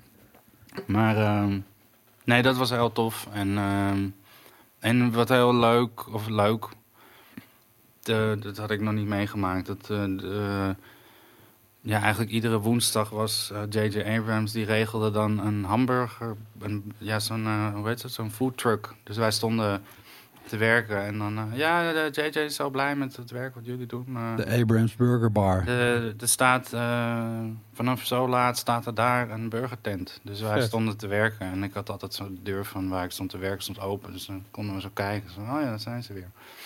Eh, of niet weer. Dat was de, ehm, de ene keer was het een burgerbar. En de andere keer was het zo'n... Ik had het nog nooit gezien. Zo'n plaat met liquid nitrogen of wat dan ook. Maar dan gaan ze vers ijs maken. Dus dan stonden Ah, van gasten met van die spatels. Die stonden lekker ijs te maken. En dat... Ja, dat was best leuk geregeld. Nice. Voor, eh, maar ik, ja, als ik iets over die film ga zeggen, ik heb geen flauw idee of het ook maar iets gaat goedmaken van het eh ja, Ja. de bakel van. Eh, Maar het is gewoon, het, het gaat ook. Jedi. Nee, daarom. Maar het gaat ook meer, denk ik, gewoon om het. Om Ik het was niet idee- zo anti The Last Jedi hoor. Oh jezus, gaan we dit gesprek nu hier voeren? Nee, nee, je hoeft het niet. Nee, maar gewoon omdat ik Hoeveel vind... heb je erop? Nee, nee, nee, nee. nee, Ik bedoel, kijk, het interesseert me gewoon sowieso niet zo heel veel. Maar dat alleen al. Het feit dat je dat van een Star Wars film kunt zeggen. Dat het je niet zoveel interesseert. Dat is wat die serie... Nee, nee, maar, nee, maar ik vind, ik vind niet dat je dat nu nog ervan kan verwachten. Het was wat het was, weet je. En eh, ni- niks gaat dat meer verbeteren. En ik vind, zeg maar, eh, de, hele tijd worden er van die safety bets gemaakt. Want The Force Awakens was gewoon eh, dezelfde film. Ja, Force maar Awakens omdat het dezelfde film was. Maar het was niks bijzonders, weet. Ja, dat snap ik. Maar het, het, het was daardoor ook niks verkeerds. Ja, maar oké. maar het, het, het- ik bedoel, ik heb me ook Het was vermaakt, meer prima. dan. Ja, maar Ja, ik heb, ik, o- o- dan de of ik het nou, Menace. ja, maar als ik het, als ik het zeg maar, of ik het nou kut vind of niet, heb ik zo. Ik heb liever een regisseur die in ieder geval de ballen heeft om zijn eigen stempel erop te drukken. Nee, en dat, nee, en dat heeft hij wel shit. gedaan. Als- Maar, maar dat hebben we al gehad met de Phantom Menace en met al die shit en met Jar Jar Binks en weet ik van wie er allemaal zijn. Ja, maar dat is- stempel. Ja, weet je, wat, is- weet je dat- wat ik een beetje had ook met die eerste, of die, is die, George die andere Lucas. Ja. Niet een trilogie? goede regisseur. Ja. Stond George Lucas niet voor het hek zo te kijken terwijl jullie... Ja, ja. Dat verwacht je dan. kijker. Nee, wat Maar ik ik bedoel, had... kom op, even die, die solo. We gaan, Oké, ik wil er inderdaad niet over uithangen, maar die solo film, weet je, Neem ik er nog een. al die fucking, al die eh, de verwijzingen de hele tijd, weet je, grapjes over Ja. Het Ja. is toch Ja. fucking kut, man. Natuurlijk toch is het op, kut. Ja. nee, het was ook een kutfilm. Het was echt een Nee, kutfilm. Solo was inderdaad, die ben ik echt alweer helemaal vergeten. Ja, nou, ik vond dat. Ik, ik, ik vond dat. Laat ik zo zeggen, ik, ik kan je, mijn hart is gebroken door Star Wars. Ik ben, het klinkt een beetje dramatisch. Ja, maar de- je maar het kan is een het- jeugd. Maar hoe eh, had het... de- eh, eh, ik bedoel, het was gewoon bound to be broken. Heb je niet het idee dat er geen Het manier was, al een, het was al een keer gebeurd, weet je. Het was de Phantom Ja, Menace was al kut, weet je. En, en daarna en die shit, het, het was al vreselijk. Ja, En toen en dan gaat het nog een keer. En eh, weet je, en na de eh, eh, hoe heet het, eh, eh, The Force Awakens had ik tenminste nog zoiets van, nou, wie weet, als dit een startpunt is, kunnen we misschien nog wel ergens toe gaan. En toen Maar kwam het was Jedi, ook- maar je- Jesus je kan fuck. zeggen En ik je vond Rogue One nog wel leuk hoor. Dat vond ik echt nog wel goed. ja wou ik net zeggen. die Maar je kan de rest van van je leven nou, kan je nog Star Wars films eh, zien, want dat is Elke week gaan ze komen. Ze gaan- ze gaan series komen, ja. Nee, nee, nee, dat is dus nu... Oh, is dat gekild? De Boba Ah, ja, Fett is dus gekild. Oh ja? Ja, Dat is dus het ding. Toen eh, Solo het, weet ik veel, eh, die, die, die- daar hebben ze natuurlijk gewoon fucking veel winst mee gemaakt. Mhm. Maar minder winst dan ze hadden verwacht. Ja. En dat was een dingetje, want eh, toen begonnen ze plotseling iedere beslissing eh, opnieuw te bekijken. Ja. En daarom... En daardoor is Boba Fett toch gekild? Ja, en een Obi-Wan film geloof ik. En, eh, ja, gewoon dit, maar- dat hele productieschema. Maar Wat van die Ja, Kathleen gewoon Kennedy heeft inderdaad uitgesteld Ja. en al dat soort dingen. Maar er komt, er komt nog fucking veel, maak je geen zorgen. Nee, maar, de, de, je rest van je leven Ah. word je daarmee ge- gebomd, gewoon, Nou. denk ik. Nee, dat is grappig, want ik bedoel, zelfs bij ehm, die, die trilogie eh, uit, nou ja, uit 2000, de Phantom Menace en al die, Ja. daar kon ik nog een soort van, daar heb ik nog een soort van, ah, weet je, eye candy, mooie geluiden, weet je, dan heb ik nog dat een beetje. En dan bij, bij The Last Jedi eh, had ik dat al niet eens meer. Nee. Al ziet het er allemaal best gelikt uit en ik hou natuurlijk maar die film, omdat die film zo tergend was. Maar, jij had, werkt aan de laatste mee, dus het komt weer helemaal... Nou, maar ik had, ik had bij, wat ik interessant vind, want dat vond ik bij de Phantom Menace heel erg. Wat bij die films, los van het tergende verhaal, wat ik echt vreselijk vond. En ik weet zeker dat dat Jar Jar Binks is daar een soort van eh, boegbeeld van geworden. Is dat de CGI gewoon nog best wel kut was. Weet je, Yoda die gewoon een driedubbele voorwaartse salto Maar maakte. Nou, maar serieus, dat heeft. Yoda nog nooit gedaan tot op dat punt. Waarom moet Yoda in godsnaam dat soort krachten bezitten, terwijl hij dat de eerste drie films niet heeft Maar ik moet eerlijk zeggen... Toen was ik- hij al 900 jaar oud. Ja, dat, Ja. ja maar da- dan krijg je dat soort ar- argumenten. erbij. Maar ik vind het een beetje hetzelfde wat ook de Hobbit was, weet je. Ja. Is dat je toch de mogelijkheid krijgt tot nieuwe dingen en Ja. je wil bepaalde dingen proberen. En ik heb eh, van die voor, eh, eh, van de Phantom Menace is volgens mij ook een documentaire online. En dan zie je George Lucas zie je zo soort scènes aanstrepen van ja, dit CGI, CGI. En dan zie je soort al die mensen die dat moeten maken, die kijken echt zo van what the fuck, weet je. Dat Ja. het gewoon te moeilijk is Ja. om te doen. Maar het is gewoon, weet je, hij heeft een idee daarover en hij wilde die film, die wilde die eh, niet maken, weet je. Hij wilde hem pas Ja. maken tot de techniek daar was. Maar ja, je, het, het is gewoon te vroeg en iemand moet die stap zetten. En, eh, Nou, en maar wat ik ook vind, ik, Sander, ik ben benieuwd wat jij ervan vindt. Ik heb het idee dat CGI in die tijd was het zo'n big deal dat het moest ook eruit zien als iets bijzonders. Terwijl ik het idee heb dat als het nu wordt gebruikt, dat ze bijvoorbeeld wa- wat jij ook bij Game of Thrones zag, is dat heel veel van de decors waren CGI, Ja. maar het, het moest er zo natuurlijk en normaal uitzien dat je gewoon het idee hebt van ja, dit had ook in, in Oostenrijk kunnen zijn, in de Alpen, weet ik veel. Ja. En dat, dat, dat is dat je dus normale dingen gaat maken digitaal. In plaats van dat zodra het digitaal is, dat Yoda gelijk een zesdubbele flikvlak moet kunnen maken. Want het kan, dus je moet het doen. Ja. Dat idee heb ik, dat, dat is nu een beetje weg. ja, absoluut. Nou, dat heb ik met die, met die Transformers films, waar ik volgens mij nog geen één van afgezien heb. Ehm, die hebben allemaal van die, van die belachelijke shots en allemaal van die weer physics. Eh, Mm. Dat, dat, weet je, die, die het zijn geen zo... Transformers, het zijn Morphers. Ja, dat ook. Het is echt lazy design. Het zijn echt zo van die... Het gaat gewoon... Weet je wat? We, we doen dit... Draait gewoon in zijn arm weg. In plaats Ja. van dat Je het zelfs bij de het klopt. had je het idee dat het klopt. Nou, maar weet je, Ja. ik, ik, heb, even- we hebben, ik heb met de Space Case een, eh, een groot Transformers fan heb ik een podcast gedaan daarover. En die zegt van, weet je hoe moeilijk het is om te verzinnen hoe zo'n bijvoorbeeld zo'n toy dat het ook Ja, daadwerkelijk eh Heb transformt. je die Van- trailer ja. van Bumblebee al gezien? Nee, nog niet. Nee. Dat is wel grappig, want ik, ik kan me niet voorstellen dat ik het een goede film vind. Maar het zijn wel al die toys waar wij mee opgegroeid zijn. Ja. maar is het een wel- Michael Bay weer? Nee, het is eh, Travis Knight, eh, de zoon van Phil Knight van Nike. Sick. Die de die is gewoon natuurlijk hij echt geworden. Hij heeft eh, Kubo en de Two Strings en hij is de grote baas van Leica Studios. Ah, oké. Ehm, Maar dat is- dat is Kubo en wel de Two iets, Strings eh, en. Oorline en Box Trolls en eh, Oké. eh, weet ik veel, nog meer. Ja, dat zijn allemaal stop-motions films. Maar, maar Ja. klopt het dat daar de, eh, de, de transform acties van de robots wel weer kloppen? Ja, ja, ja, nou dat vond ik dus cool. Want je, ziet op een gegeven moment, je ziet gewoon die soundwave die we allemaal kennen, zie je zo klak en dan komt uh, Ravage heette die toch? Hoe heette Nee, die twee? Laserbeak ja. en die andere. Dat was Ja. er kwam zo'n vogel uit zijn uit ook zettenbandje. Ik weet het En, niet. Ja. eh, ehm, en je had zo'n eentje die kon in een pistool veranderen, maar dat was niet Megatron, dat was een andere. Maar die zie je gewoon, die design is precies die game van de eerste Transformers tekenfilm. En Bumblebee is gewoon die, die gele kever. ja, in plaats van dat hij een Ford Ja, Mustang dus is, dat, of weet ik wel wat hij was. voor nostalgische waarde ga ik hem misschien kijken. Maar ik Ja. ben heel bang dat het gewoon ook weer...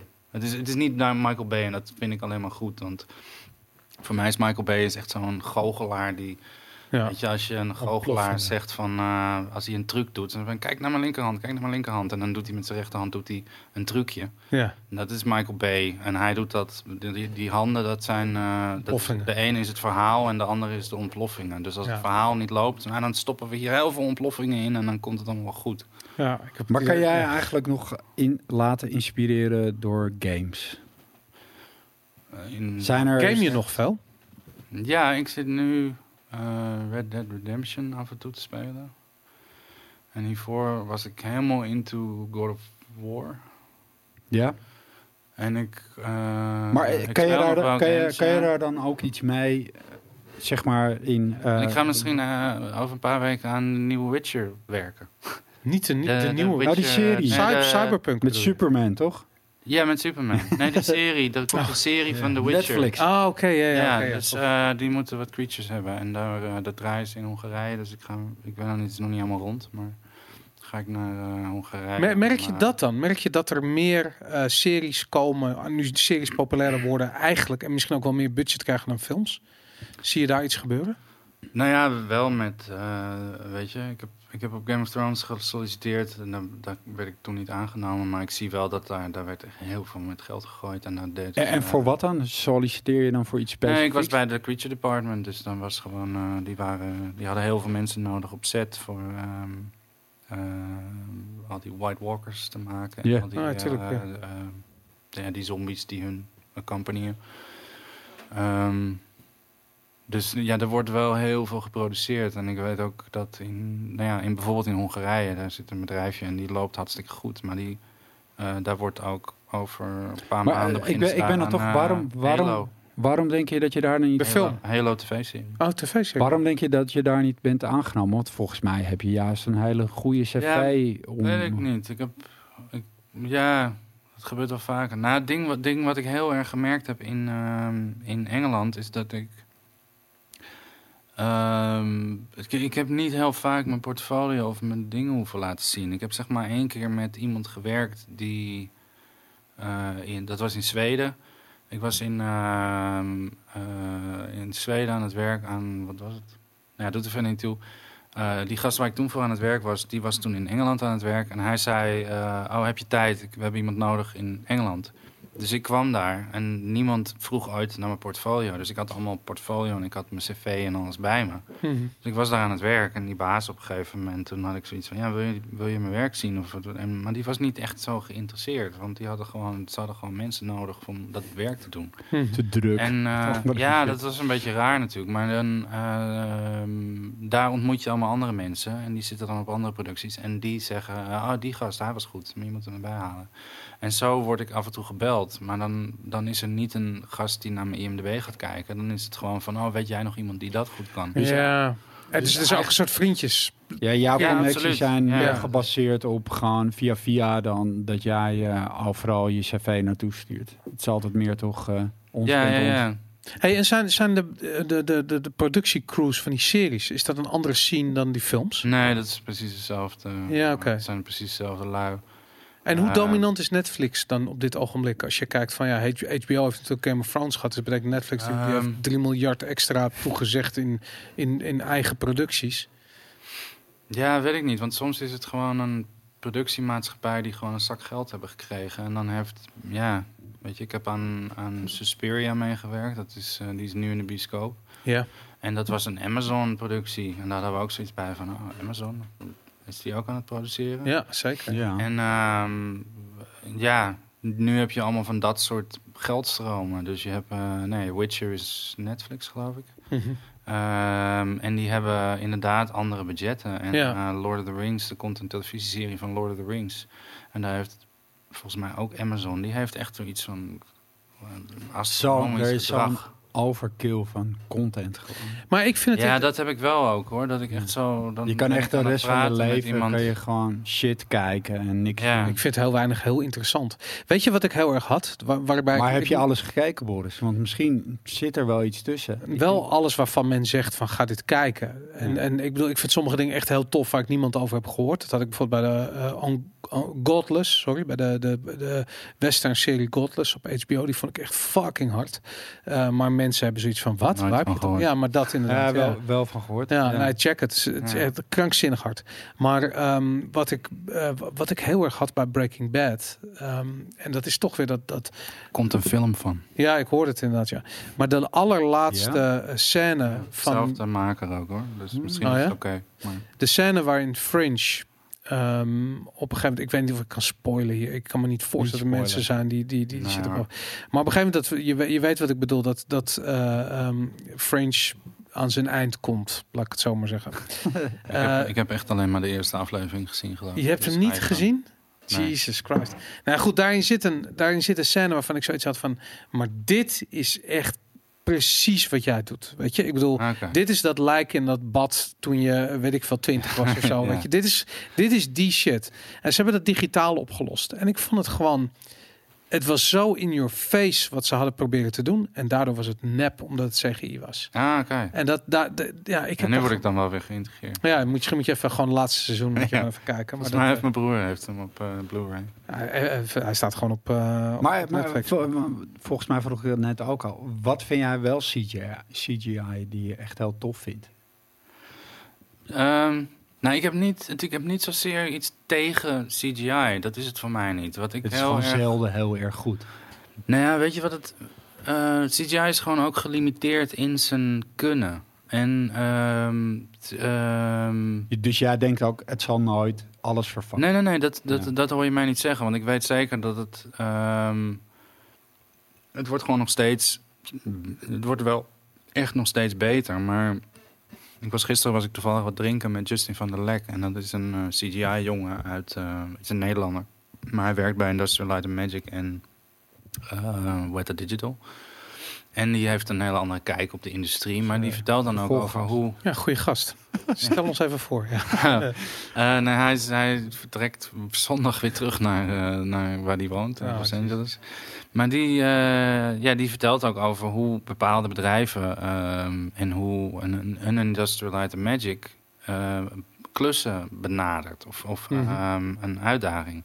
En dat, dat het ene bedrijf gaat ermee om van, nou ja, ehm, ja, number crunching. Gewoon gebaseerd op de vorige klus hadden we hadden we, weet ik veel, 17 plates achter elkaar en wat foreground action opgenomen. En dat is genoeg, want dat Mm. werkte en daar, dat nam men als oké. En, eh, en dat ze bij een Industrial Light and Magic eh, veel meer bij iedere shot teruggaan naar de tekentafel en denken van hoe kunnen we dit doen dat het er heel vet uitziet. Ja. En dat is het grote verschil. En Dusty Light and Magic is wel echt heel erg goed. Maar die, die zullen ook... Ja, die zullen ook gelimiteerd zijn aan een... eh weet ik veel, aan een tijd eh, restraint, waar eh, de, de productie of regie plotseling zegt van eh, Kevin Spacey moet vervangen worden door Donald uh, Sutherland. Nee, was het? Ja, ja, ja. Eh, Donald Trump. Ja. nee, eh, nee, weet ik wel hoe die heet. Maar in ieder geval, die, die zullen ook van die dingen meemaken dat ze niet het resultaat halen wat ze willen. Wat ik altijd het coolste vind in, in, eh, in effecten, en er zijn een aantal dingen wat voor mij echt tofste effecten ooit zijn. Hm. Eh, dat is bijvoorbeeld een combinatie van de twee eh, dingen. ja. En ik vind het, de tofste eh, effecten vind ik effecten die je bijvoorbeeld niet ziet dat het een, een CGI-effect is. En ehm, eh, een heel goed voorbeeld vind ik bijvoorbeeld in Mission Impossible 3. Je hebt zo'n TED, weet je, TED Talks. Mhm. Dan heb je J.J. Abrams die vertelt over zijn kijk op, op CGI. En die geeft dan als voorbeeld van, nou ja, bijvoorbeeld, wat heel veel mensen niet weten, is op een gegeven moment heeft eh, Tom Cruise de karakter, die Ethan Hunt, die krijgt zo'n zo'n zo'n ding in zijn neus. En dat is dus een heel klein bommetje die gewoon je, je hersenen opblazen. En die, die, hij zit vastgebonden in een stoel. En dan, wordt dus, dan komt er zo'n gast en die doet zo zo'n pen in zijn neus en die doet zo tak. En dan, Mhm. nou, dat ziet er heel naar uit. Maar wat dat dus is, dat is gewoon Tom Cruise eigen hand. En daar hebben ze dus gewoon CG, hebben ze dat gedaan alsof die, eh, dat, dat die gast die hem aan het martelen is. Ja, ja. Dat, zie je, dat zie je niet. Weet je, Ja. Dat is gewoon, en dat komt ook eigenlijk helemaal niet in je op. Want ja, het is niet er- logisch, ja. Nee, het is zo close. En je, het is niet logisch dat hij met zijn eigen hand, zeg maar, met zo'n ding kaart in zijn neus aan het boren En je verwacht niet dat het de details zijn die CGI zijn. Het is altijd het onderwerp wat CGI is. Ja, maar bij dit werkt het zo goed, omdat Tom Cruise natuurlijk donders goed weet hoe hard die kaart dat ding in zijn neus kan Ja. steken. Dus dat ziet er echt heel naar uit. Ja. En het werkte heel goed. En het is zo'n scène die is voorbij voor je het weet. Mhm. Maar dat vind ik toffe CG. Dat ze zeg maar gewoon eh, eh, de tool gebruiken voor Ja. wat het is. In plaats van dat je, eh, nou ja, weet ik veel. ehm, ik heb genoeg voorbeelden dat,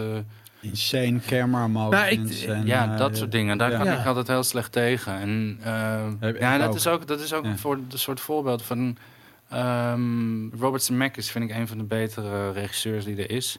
En Steven Spielberg heeft ook een paar van dat soort scènes gedaan. Maar dan doet hij van die camera moves en die zijn gewoon fysiek niet mogelijk. En ehm, als dat niet opvalt, dan is dat heel tof. Dan werkt dat heel cool. Mhm. Uh, Peter Jackson heeft in, ehm, eh, hoe heet dat? Eh, Lord of the Rings zelfs ook, heeft hij ook allemaal van die camera's die helemaal zo door dingen gaan. Ja. En dan vind ik het net niet, dan is het CG, ja, voor mij kwam het allemaal net niet samen. Maar, ehm eh, oh, dit is een goede om te vragen. Hoe heet die film ook alweer? Tom Hanks, een Steven Spielberg film. Tom Hanks speelt een soort maffia hitman. eh, en zijn zoon is getuige van. Dat, ik weet zeker hoe die film heet. Ik ben het alleen kwijt. Ik weet, hij is van de eh, regisseur van... eh, van, Dat is eh, Spielberg, toch? Misschien kan iemand Nee, in de nee, chat nee. even het antwoord Nee. geven op die vraag. ja. Dus we zien het zo. Nee, Road to Perdition. Ja. Ja. Of was dat En Steven Nee, Soderbergh? dat is, eh, dat is... Nee, ook niet. Dat is die gast die... ehm, eh, hoe heet die? Die American... gangster. Nee, nee, nee. American Beauty. Hij heeft ook... Hoe heet het? Hij heeft Sam eh, Mendes. Ja. Wel? Nee, Sam ja, Mendes? Sam Mendes. Sam Mendes.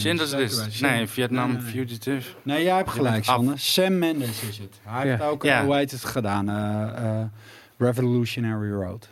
Ja. Die regisseur. Ja. Maar daar zit ook daar zit zo'n eh, zo'n shot in en je merkt het bijna niet. Maar dat is zo'n zo'n tracking shot, een ding wat naar achteren rijdt. Mhm. Ze stappen in een auto en die camera die gaat echt zo helemaal om die auto, maar ook door die auto. En dat klinkt zo... Je merkt het bijna niet. Maar is het CGI of niet? Of is Ja, het- is CGI. Maar later merk je dus pas dat die hele auto... Die, Ja. is gewoon, die was er niet. Die, Die is 3D, zij zij ja. zitten gewoon in een soort karretje zonder ook maar een body daaromheen. ja, ja. En eh hoe heet? What Lies Beneath. Er zitten ook een paar hele toffe CG-shots in. Daar heb je zeg maar een... eh, zij wordt... Zij, eh, toffe thriller trouwens. Trouwens. Eh, nee, eh, What Lies Beneath, daar wordt Michelle Pfeiffer... die wordt op een gegeven moment wordt ze vergiftigd of wat dan ook. Of ze ver- verdoofd. En dan weet ze... eh, hij legt haar in bad. ja. En dan heeft hij... van, nou ja, hij laat het water steeds hoger komen. Mhm. En dan hebben ze dus gewoon het bad hebben ze transparant gemaakt. Eh, Ah, oké, of vet. Het is een transparant bad. ja. En in, de, in het shot, of in de, hebben ze een CG-bad eromheen gedaan. Maar dan kunnen ze dus echt zo helemaal naar die waterlijn. Ja, ja. eh, en op een gegeven moment valt ze ook op de trap of zo. En hebben ze dus ook gewoon de, de trap hebben ze weggehaald, zodat die camera echt zo naar haar gezicht, wat helemaal zo bebloed ligt. Ja, ja, dat ligt die lens, die ligt zo hier. Maar ja, hier is hout. Dus dat zou Ja. eigenlijk niet kunnen. Ja. En dat vind ik, ja, dat vind ik echt toffe, toffe CGI. Kan je nog de eerste CGI-scène herinneren die je ooit gezien hebt? De eerste CGI... De, ik denk namelijk dat ik weet wat het was, maar... De eerste, de dat is wel CGI, eh, heel lastig. eh, Tron. Ja. Was het Tron? Ja, Tron is een beetje... vaag. Ik- Volgens mij was het namelijk Terminator. Dat Terminator wordt liquid Oh, die. metal. Ja, En dat was een heel big deal van er zit CGI in ja die nee, film. maar de Abyss was eerder. Oh ja? Ja, Dat was ook een lelijk beest. Ik bedoel, het beest was niet lelijk, maar de CGI was lelijk. Dat Ja, beest dat glom, het, eh, eh, dat uit het water kwam, glom het heel kut. Ja, Maar water glimt, dus zo kan het. Ja, maar niet nee, op die manier. Nee, dat was echt helemaal in de begintijd. Ja. Maar eh Maar daarbij ik denk vond dat vond- The Abyss is een van de eerste waar ze echt een, een, een karakter of een creature van computer hadden gemaakt. Ja, oké. dat. Nou, ik, ik vond daarbij dus dat de, de, de scènes niet noemenswaardig waren. Want het, ook al was het de- het moment waarop je voor het eerst kennis maakte met het creature, met, met de creature dan. Maar het was een uit zijn, uit zijn verband gelukte scène. Weet je, ik bedoel, de, het moment waarbij de Abyss was wat belangrijker dan bij, eh, bij, ehm, eh, bij Terminator.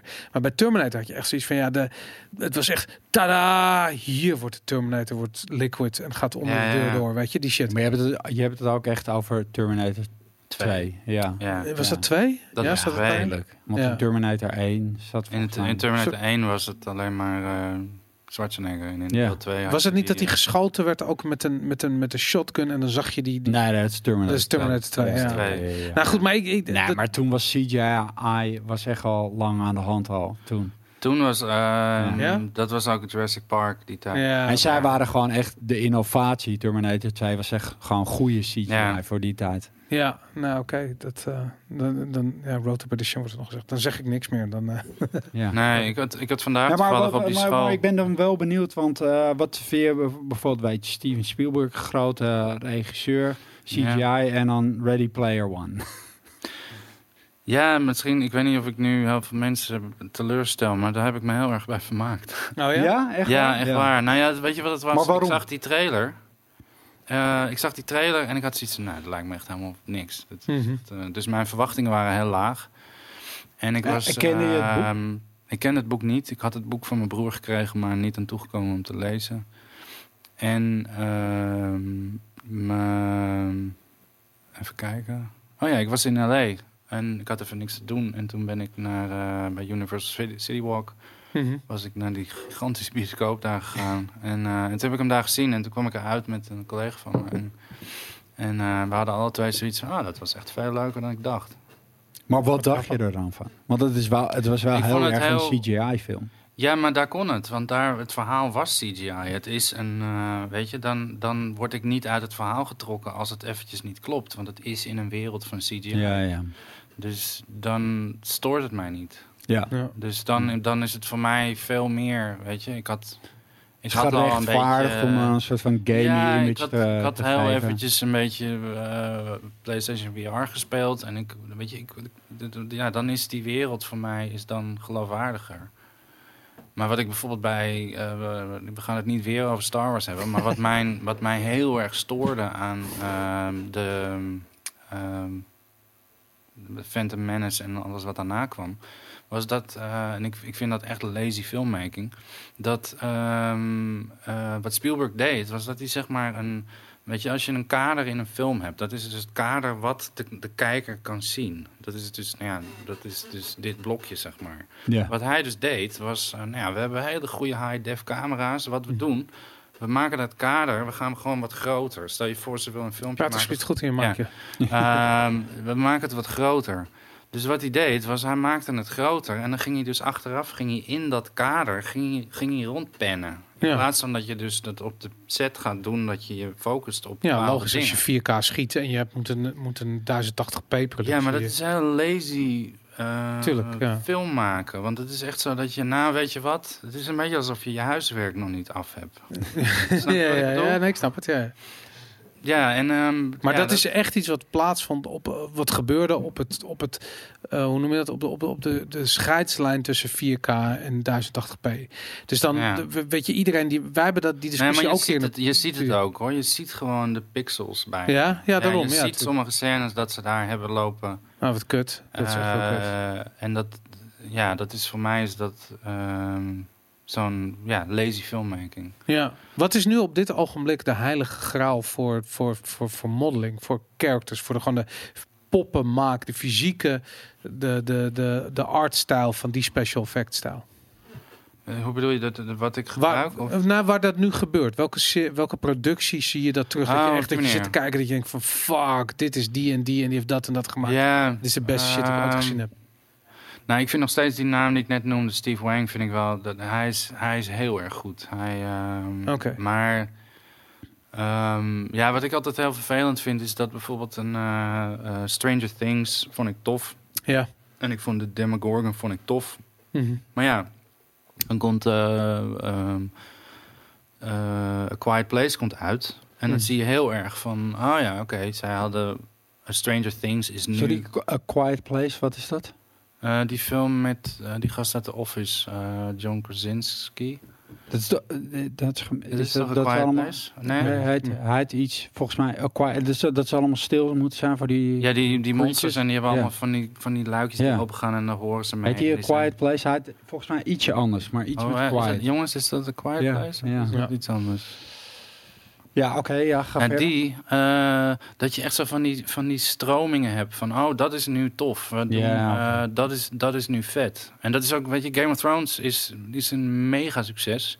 Mhm. En dat is de reden waarom The Witcher gemaakt wordt. Ja, waarom de Lord of the. Rings gemaakt wordt. Zeker, zeker. En wat ik weet nog, ik weet nog, ik heb dat al meerdere keren meegemaakt. Dat ik zeg maar, eh, en dat is dan de Nederlandse, ja toch, Quiet Place.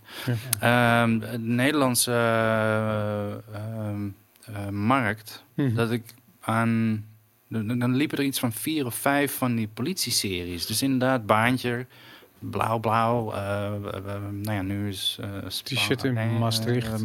Flikker Maastricht. ja. Fucking Maastricht.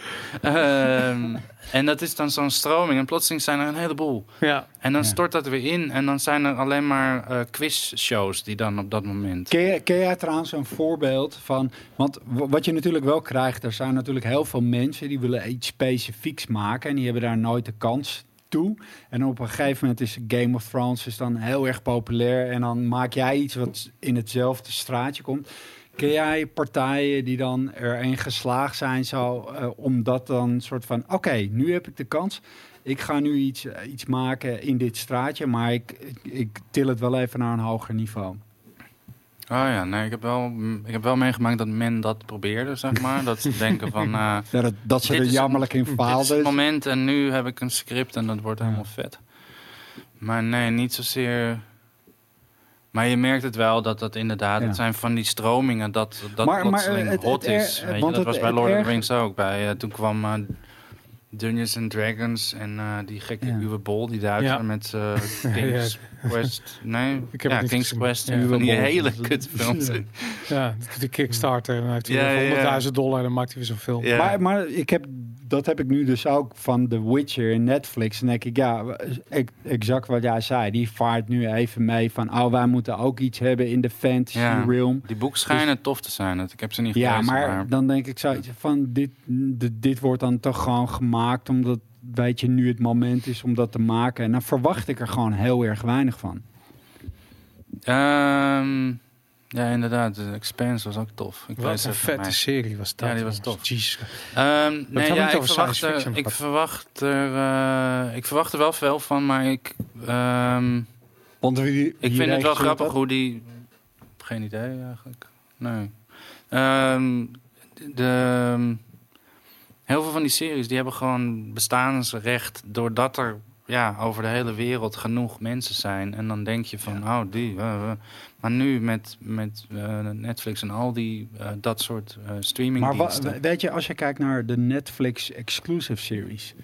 De, voor mijn gevoel is daar nog heel weinig uitgekomen wat echt goed is. Ik bedoel, ik zit nu helemaal in de, de Haunting of Hill House. Maar is, dat is net- tof. Netflix Ja, exclusive en dat is heel erg goed. Er zitten een paar die, eh, die ik heel tof vind, ja. Ik vind Stranger Things, daar heb ik erg van genoten. Ja. Tweede Stranger seizoen kan ik, me, goed kan ik me minder ja. van herinneren, maar die heb ik me ook wel bij vermaakt. Maar Stranger Things was voor mij iets zo. Ik heb, dat, ik heb er één seizoen heb ik volgens mij niet eens afgekeken, maar dan dacht ik gewoon, dit is gewoon nostalgie. Dat, Dat was is iets. Mm, is gewoon alsof ik niet E.T. afgekeken. Weet ik zeker dat ze. Nee, nee, nee, seizoen 1. Heb je het niet afgekeken? Nee. Want dat was echt wel leuk. Dat, eh, Ja, maar dat het was in leuk elkaar. in de zin van, oké, het is gewoon fucking E.T., weet je, wat ik nu aan het kijken ben. Het is een soort van de updated ja, die version feel good van- shit. wa- Waar die, die, Ja, Ja, maar ik, dan denk ik is van, ik heb die... Nee, het is niet slecht en het is goed voor een nieuwe generatie, maar het is zeker niet voor mij. Ik vind het juist, het is wel voor jou, man. Het is Nee, juist voor nee. die gasten die opgegroeid zijn in die arcade Ja, dat weet ik, maar ik ben niet op zoek naar dingen waarin ik, waarin ik gewoon een soort van herhaling krijg van wat ik vroeger voelde. Ik, ik wil wel meegaan in innovatie. En dan denk ik zoiets van, ja, ik vind het leuk en ik kan erin meegaan, maar het is gewoon een soort van crack voor me, weet je. En dan Ja. krijg ik gewoon precies wat ik wil. Ja. Ja, En, inderdaad. en, en, en dat is voor mij niet Ja, dat interessant zo genoeg. beschrijf ik altijd de Marvel-films. Dat is een soort van de McDonald's van de films, weet je. Ja, is heel erg, je weet precies wat je krijgt. Je hebt altijd een beetje een naar gevoel achteraf. Nou, ik, ik, ik, zal heel eerlijk zijn. Ik heb al heel Maar je lang... gaat toch steeds terug. Ik heb al heel lang geen films meer gekeken, precies van, vanwege dat. Omdat het namelijk de kans dat het iets is. Kijk, als, als jij tegen me zegt van je moet deze film kijken, dit is zo goed, dan ga ik hem kijken. Maar omdat het 9 van de 10 keer gewoon een McDonald's shit is. En ik heb gewoon zoiets van, ik, ik heb niet zoveel tijd. En dan moet ik iets gaan kijken waarbij ik gewoon aan het eind van de rit zoiets heb van ja, was dit nou echt de moeite waard? Weet je? En dat heb ik al bij veel videogames die ik gewoon moet spelen eh, voor GameKings. Dat ik denk van ja, fucking hell, heb ik daar nou Moet zoveel tijd in nou- ja, inderdaad. en er zijn het goede games hoor, daar niet van. Maar Ja. het, is gewoon, ja, het geeft me gewoon niet zoveel. En dat heb ik bij, bij series veel minder. Bij series, series geven me veel meer dan, dan, dan films. Ja, omdat Ja. games fucking veel meer tijdrovend zijn. Nou, ook, maar dat hoeft niet per se. Maar het gaat meer dat, dat films... Een film kan twee uur duren, maar het kan twee uur volledig wasted zijn. Weet Ja. je, echt een verspilling van tijd. Maar een serie kan, eh, weet ik veel, 20 uur duren. eh, Maar ik vind alle 20 uur goed. Of misschien kijk ik de helft totdat het niet meer goed is. Ik heb dat nu bijvoorbeeld met die Netflix-serie De, de Bodyguard, die Engelse... Ah, ja, daar hoorde ik goede dingen over. Ja, inderdaad. Nou goed, de, de, ik, heb, ja, ja, dat, Ja. dat denk je inderdaad. Wel goed Maar het muziek, toch? Ja, ik heb vier of vijf afleveringen gezien en nu ben ik op het punt van, eh, ik weet niet of ik het ga afkijken, maar het was in ieder geval de eerste vier afleveringen Ja. heel goed. Dus maar nou, maar ik, ben, ik ben er wel benieuwd. En een game zoals Red Dead Redemption, is dat iets wat jou dan nog interesseert? Of kon je, kon je daar niet in komen? ik vond het heel erg tof om te zien wat ze hebben gedaan. De productiewaarde was fantastisch, maar dat verhaal, zeker na de helft van de game, had ik echt zoiets van, dat heb ik gewoon doorgespeeld omdat ik het moest doorspelen. Maar Ja. in elke Ja. andere situatie had ik het afgezet.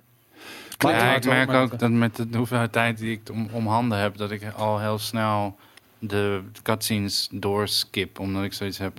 Helemaal bij. ja, eh, op dat kutpaard. De ja, hele inderdaad. tijd. dat had ik ook. Jezus. Maar dat had ik met de Far Cry. Wat is Ja, de laatste Far hetzelfde. Cry? Ja, Vakker 5. Vijf? Met die, met die Had ik dat ook. Dat ik, maar dat sloeg ik het- gewoon nergens op. Dat was ook nog eens een keer kut. In de zin van, Nou ja, inderdaad. Ik vond je kan wel een die- die- helikopter, maar je kan niet wegvliegen naar, eh naar Ja, ergens die, anders. die, die bad guy vond ik niet zo charismatisch als die vorige Far Cry. Die vond Ja. ik veel toffer. Maar Far Cry 3 was dat. Die Maar trouwens geremasterd is als gratis extra bij de Far Cry 5. En dat was beter dan Far Cry 5. Oh, ja. Ja, het is echt een Ja, aanrader. Ja. Maar Ja. ik had dus laatst, ik had eh, Return of the Obra Dinn had ik gek- gekocht. Ken je die game? dat ook alweer? Nee, zeg me niks. Dat is een game van Lucas Pope. Mhm. En hij heeft ehm eh, Papers, Please gemaakt. Ja, ja, tuurlijk. Ja, ja. En eh, ja, dat vond ik. eh, en ik dacht echt zoiets van. Ik, ik zou, wij, dat vond ik dan zo tof. Dan zette ik die game aan. En het is met een soort van 1-bit graphics is het gemaakt. Maar dan wel in 3D. En, het, eh, en meteen haalde het me er zo in. En dan denk ik zoiets van. Ja, dat is voor mij dan altijd nog steeds soort van de belofte van games. Soort van partijen die er iets anders mee kunnen eh, doen. En het is een soort detective game. ja. En ik denk zo, Ja. fucking interessant, weet je. En eh, Maar je hebt gewoon gameontwikkelaars, zeker die indies. Er zijn er een paar op de wereld die dat ja, maar kunnen. het zijn er altijd een paar. Omdat Ja. er gewoon zoveel fucking games gemaakt worden. En ook heel veel goede games. Maar wel heel veel games die een soort van eh, vallen binnen het stramien van wat mensen toch Ja. een beetje willen hebben. En ik, ik moet zeggen, ik heb Red Dead Redemption nog niet gespeeld. Maar eh, ik heb me er wel in verdiept. En ik denk dan toch dat het me op veel vlakken toch een beetje denk van ja, vet, maar Nee, ik heb gewoon high al- quality Ik ben net begonnen en ik heb ook al. Ik begin ook al van ja, had ik misschien toch Spider-Man moeten pakken. Want ik vind dat paardrijden Ja. Ik, had, ik zat te denken van ja, nu Maar paardrijden, ook- maar, ik had ook door Maar het is wel een mooie wereld. Ja, maar Ja, nee, absoluut. En dat, dat, is, Ja. dat is heel duidelijk. Er zitten een paar goede cowboy momenten in. Ja, maar er is wel een soort van trend, weet je. Ja, Red Dead Redemption krijgt echt fucking hoge recensies. God of War, fucking hoge recensies. Hm. En ook Spider-Man, fucking hoge recensies. Maar nog steeds, als je kijkt naar de belofte van wat het kan zijn, stelt het best wel teleur, weet je. Want Red Dead Redemption is nog steeds wel, volgens mij, on- ondanks dat het wel wat nieuwe dingen doet, is het Hm. nog wel heel erg in het stramien gemaakt van wat, wat je van open wereld games verwacht, weet je. Maar dat is raar. Als je kijkt dat Red Dead Redemption is denk ik de duurste game ooit gemaakt. Ik, de, de, de schattingen Ja, gaan ergens rond de 300 miljoen wat het gekost heeft om te maken tot 500 miljoen. Ik weet het niet. Het heeft een krankzinnig... terugverdiend natuurlijk. Ja, natuurlijk. Ja, dat hebben ze de ja. eerste weekend hebben ze terugverdiend. Maar het rare is dat je ziet van die productiewaarden zie je er vanaf. De, ik bedoel, de, de, de, de, de, de wereld is het mooiste wat ik ooit heb gezien. En het Ja, allemaal het, het is heel gelikt. Ja. Daarom, en als hij door het random bos langs een takje rijdt, dan bukt hij op zijn paard om dat takje te ontwijken. Nou, dat soort details ja, erin. zit, eh, Maar dan hebben ze vervolgens een verhaal waarvan ik zoiets heb van ja, maar het is een cowboy verhaal. Het is Ja, heel maar vaak ik denk dat dat ook Ja. het probleem is van dat soort ik vond die games. deel 1 had ik, had ik, zat ik veel meer in. Maar waarom kan bijvoorbeeld het verhaal van Godless, een serie op Netflix, die dus eh, een cowboy serie, wat echt een origineel cowboy verhaal was, waarom kunnen die gasten niet zo'n verhaal maken? En ik heb het idee dat het komt, ik ga mijn eigen vraag beantwoorden, omdat ga- gamemakers mo- eh, moeten voldoen aan, eh, aan de clichés die verwacht worden van ze. Dus als jij een cowboy game maakt, dan wordt er een cowboy verhaal verwacht. Dus krijg je een cowboy Ja, maar verhaal eh, met een Denk een jij high dat noon de, de, de ontwikkelaars van Rockstar moeten voldoen aan wat andere mensen willen? Ik Die vind hebben van een niet. eigen ego. eh, ik vind hebben. van niet, maar ik denk dat ze het zelf misschien wel Ja, maar ik, ik, ik denk namelijk meer dat het zit in het feit dat ze, dat ze gewoon te cinematische dingen willen doen. En, en, en ik, ik denk dat dat altijd een soort van fout is. Want dan maak je niet gebruik van het medium wat games werkelijk zijn. Ze willen altijd Precies van dat, ja. die vette cutscene. En ze Ja. willen, Ja. Weet je, ik bedoel, een Ro- Rockstar, volgens mij hebben ze een soort van hele eh, sets gereshoot. Omdat ze toen opeens balken of zo daar, daar Ja. overheen willen. En dat, dat is dat is toch wel een soort van ego. En ik vraag me af, ik kan me niet voorstellen dat ik Ja, die game speel en denk van, ik, ik wil het fucking einde weten, omdat dit zo Ja, een maar je wil goed het verhaal is. Ja. Maar dat is absoluut, je hebt het gelijk. Je hebt, dat is ook zo. En ik vond bij, bij, bij GTA 5, daar had ik zoiets van, het verhaal was zo origineel en leuk en verrassend. Daar Ja, heb ik me echt mee vermaakt. Ja. En de productie kwam op de tweede plaats. En het was, die productie was een aanvulling op de ervaring die het verhaal bood. En bij Red Dead heb ik het gevoel dat het omgekeerd is. Dat het verhaal een aanvulling is op de technische productie. En dat vind ik, dat vind ik niet zo sterk. Ik denk ook dat de Red Dead Redemption 2 de geschiedenis in gaat gaan als een game die eh, fantastisch geproduceerd is, maar gewoon niet zo heel erg interessant is.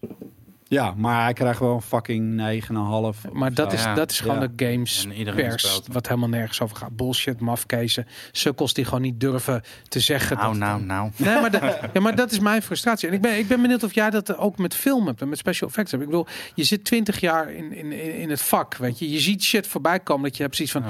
Weer die tering mongool die daar met zijn fikken aan een pro- project zit, wat hij niet moet doen, want hij is niet geschikt dat- wat- eh, nee, ik, kan me niet, ik kan me dat zozeer niet voorstellen. Maar Hm. ik heb wel... eh, bij mij is mijn frustratie heel vaak dat bijvoorbeeld... eh, voor mij is The Thing is een van, de, is een van mijn all-time favorite films. Ja, En daar zitten een paar hele coole, clever gags en effecten in. Geef eens een voorbeeld.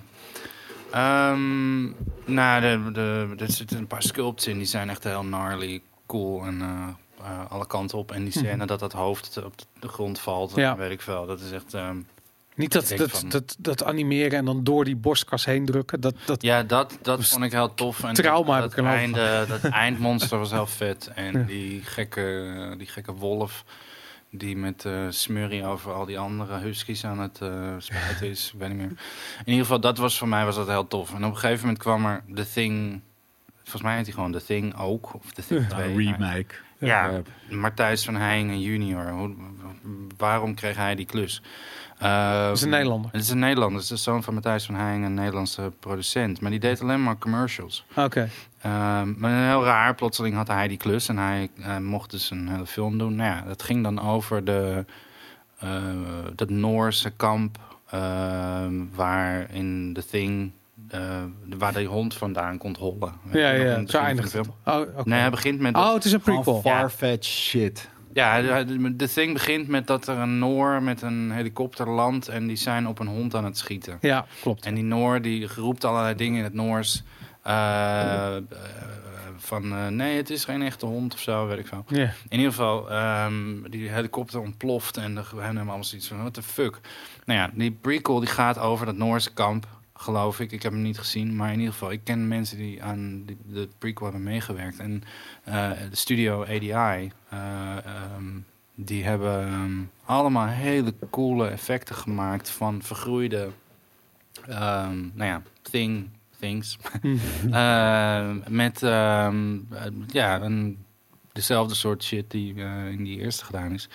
En daar besluit dan een producent en een regisseur van... nou ja, laten we al, al dat werk wat zij gedaan hebben... gewoon vervangen door CGI. Dus ja, dat is echt zo'n beslissing dat je denkt van... oh ja, maar dan maak je dus eerst besteed je...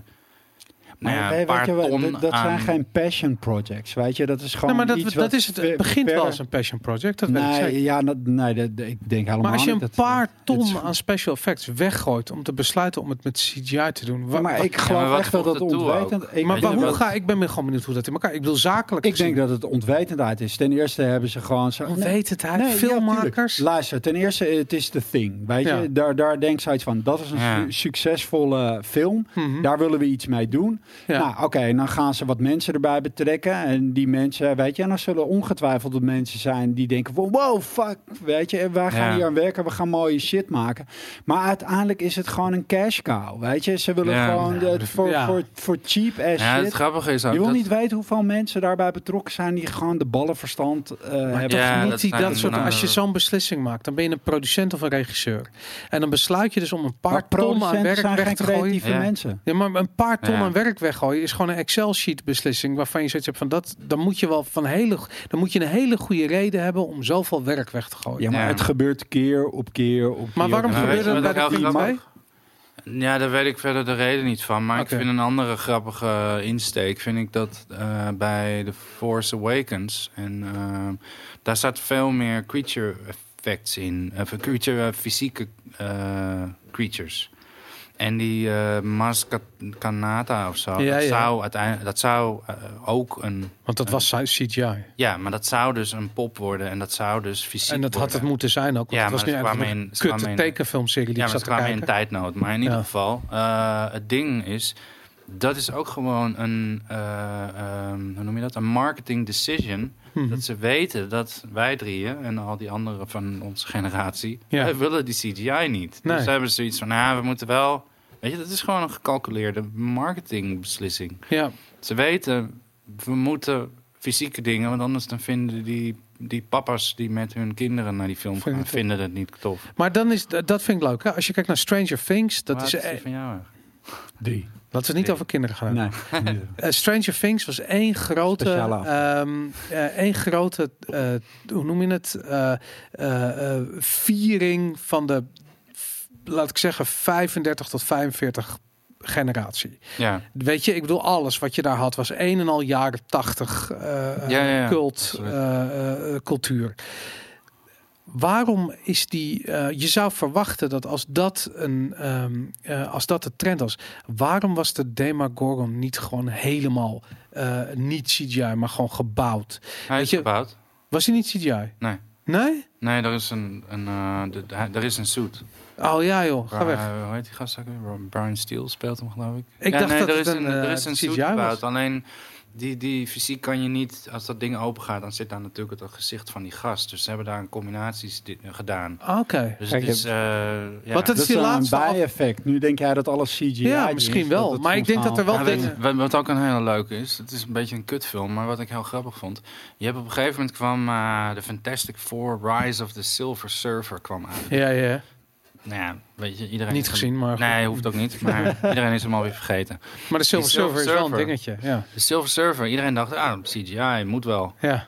Eh, en dat, de, de Spectral Motion, de, nou ja, van de, weet ik veel, de Guerrilla Games, eh, ik weet niet hoe Ja. de dino's heten. Ja, ja, die, Die die, dat die, ding die, gemaakt robot dino, ja. Die hebben dus gewoon een pak gemaakt voor Doug Jones. Eh, en Doug Jones is een van de bekendste creature performers. Ja, Die zit ook in The Shape of Water, zit die, die eh, Gilman, hij is Ape. Sapien. ja. Eh, hij heeft heel veel gedaan. Hij is goed in Ehm, dat soort beesten. Ja, hij is Ja. zo'n Het bewegingskunst. is ook een art. Nee, nee, ik snap het. Ja. Er moet iemand moet er goed in zijn. Schmiegel. Ja. Hij is de Silver Surfer. Dus ze hadden gewoon een pak voor hem gemaakt. En het is een paar dagen terug, ik, ik wist het al lang, maar een paar dagen terug kwamen er wat foto's naar buiten van hem in een, dus, een Silver Surfer kostuum. En ehm, dat was zo'n soort combinatie van een kostuum waar de CG-department gewoon wat randjes heeft weggewerkt. Ja, oké. Eh, want op een gegeven moment in de film wordt die ziek en dan glimt hij minder. Ja. En dat konden ze dan wel met het pak. Maar heel veel scènes zijn gewoon allemaal die doet. Hoe maak je een Silver Surfer pak. in godsnaam? Ja, dat zijn eh, daar gaan heel veel Van, tests van vloeibaar eh, metaal of zo. Dat, eh, Ja. Nou, dat is het mooie van Hollywood. Daar hebben ze bijvoorbeeld eh, eh, Hellboy. Weet je, als ik, hier in, als ik hier in Nederland een project doe en ik- Mm. we moeten iets nieuws maken, dan zeggen we van, nou ja, we willen een testshoot. Ja. En ze van, hé, hoezo moet je een testshoot dan? Dus nou ja, we hebben het nog nooit gedaan. We, willen, we gaan het maken, maar het is een prototype, dus we moeten het testen. En als we het dan getest hebben, dan willen we nog een paar dagen, want dan kunnen we nog tweaken. En Maar dan heb jij er al, weet ik wel, twee maanden werk op zitten. Bijvoorbeeld. Maar dan is het heel vaak van, nee, dat, we- weet je, geen, dat willen we niet hoor. Het moet gewoon in één keer goed zijn. Eh, bij Hellboy, Ja. daar doen ze dus, weet ik veel, 16 testshoots. Mhm. Dus dan zetten ze hem, eh, of een picture double, dat noemen ze, dat is gewoon iemand Maar heb je het nu over de nieuwe. Hellboy? Nee, dat is de oude. Maar dat Ja. zullen, ze, dat zullen ze precies hetzelfde aanpakken. Mhm. Daar hebben ze gewoon van, we, doen, eh, we gaan gewoon eerst testen hoe die eruit ziet op film. En dan maken ze allemaal opnames. En dat was bij Guardians of the Galaxy ook. Hadden we die Drax gast in de hele tijd, of een picture double, de hele tijd in die make-up. En die deed dan wat, die liep dan een beetje door het beeld. En dan gingen ze kijken van, nou, is het te grijs? Of het moet donkerder, moet rooier, moet... Gewoon alleen maar om de make-up goed te krijgen. Om het goed te krijgen. En eh, Ja. dat, dat is wel tof als ze dat doen. Maar ja, het gebeurt gewoon wel eens bij films van... eh, Doe maar wat en, eh, Nee, ja, dat. Of we hebben geen tijd meer. dit is wat het is. Maar dat klinkt heel Nederlands. Maar ik vind de Ja, nou, dat- klinkt heel dat- Hollywood. Dat je gewoon wel geld hebt en wel gewoon de productie goed kan doen. Ja. ja, dat is, dat, absoluut, ik ja. Dat is eigen, even heel wat anders. Maar is dat trouwens een carrière, een picture double? Dat jij altijd... Ja, dat is wel grappig, want er was een... de, ehm, ehm, Guardians of the Galaxy, ook een leuke anekdote. Eh, we hadden Guardians of the Galaxy, hadden we een picture double, een stunt double en de main guy. Hm. Nou, David Batista is natuurlijk de eh, main guy. En picture double eh, moet je je voorstellen. En het is een make-up. Inmiddels hebben ze hem anders aangepakt en is het wat sneller. Maar toen bij deel 1 was de make-up die 3,5 uur duurt. Dus dat betekent dat je dus om eh vijf uur 's ochtends binnenkomt. En dan ga je dus die make-up aanbrengen. En dan ga je eh, met die gast. En die staat dan. En die, nou ja, vier mensen plakken al die dingen op hem. En helemaal make-up. Hm. Heel veel kleuren. Maar in een kamer daarnaast, eh, of iets verderop, wordt de picture double wordt opgemaakt. En die wordt precies hetzelfde opgemaakt. En dat is dus gewoon alleen maar zodat als de, de lighting crew, of de, de, de- de- weet je, ze zijn aan het uitlichten, dat zij iemand hebben in de scène. Die dus die die cut gast die moet gewoon... Ja, Waarom, en waarom niet die ene guy? Die dat sowieso al die, die, had. die- dat is- een ster. Die zat hij is, eh, ja, hij zit gewoon eh, in zijn trailer. trailer, zit hij YouTube te kijken of whatever. Ja, hij wil gewoon de toffe dingen doen. Maar de ja, picture dus double- eh, de picture double, die moet daar in die scène staan. Maar Hm. picture double gast, ik weet niet hoe die heette. Zat tijdens de make-up, zat hij de hele tijd zat hij van die gypsy knuckle fights te kijken.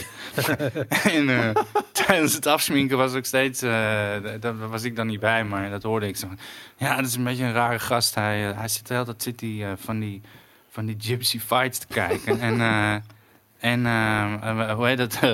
dan waren ze hem aan het afsminken. En je moet je dus voorstellen dat die, die make-up, dat is gewoon allemaal siliconen.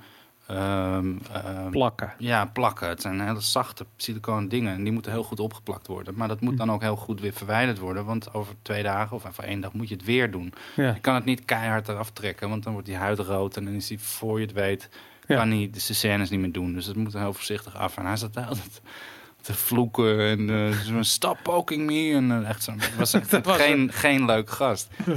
en eh, bij deel 2...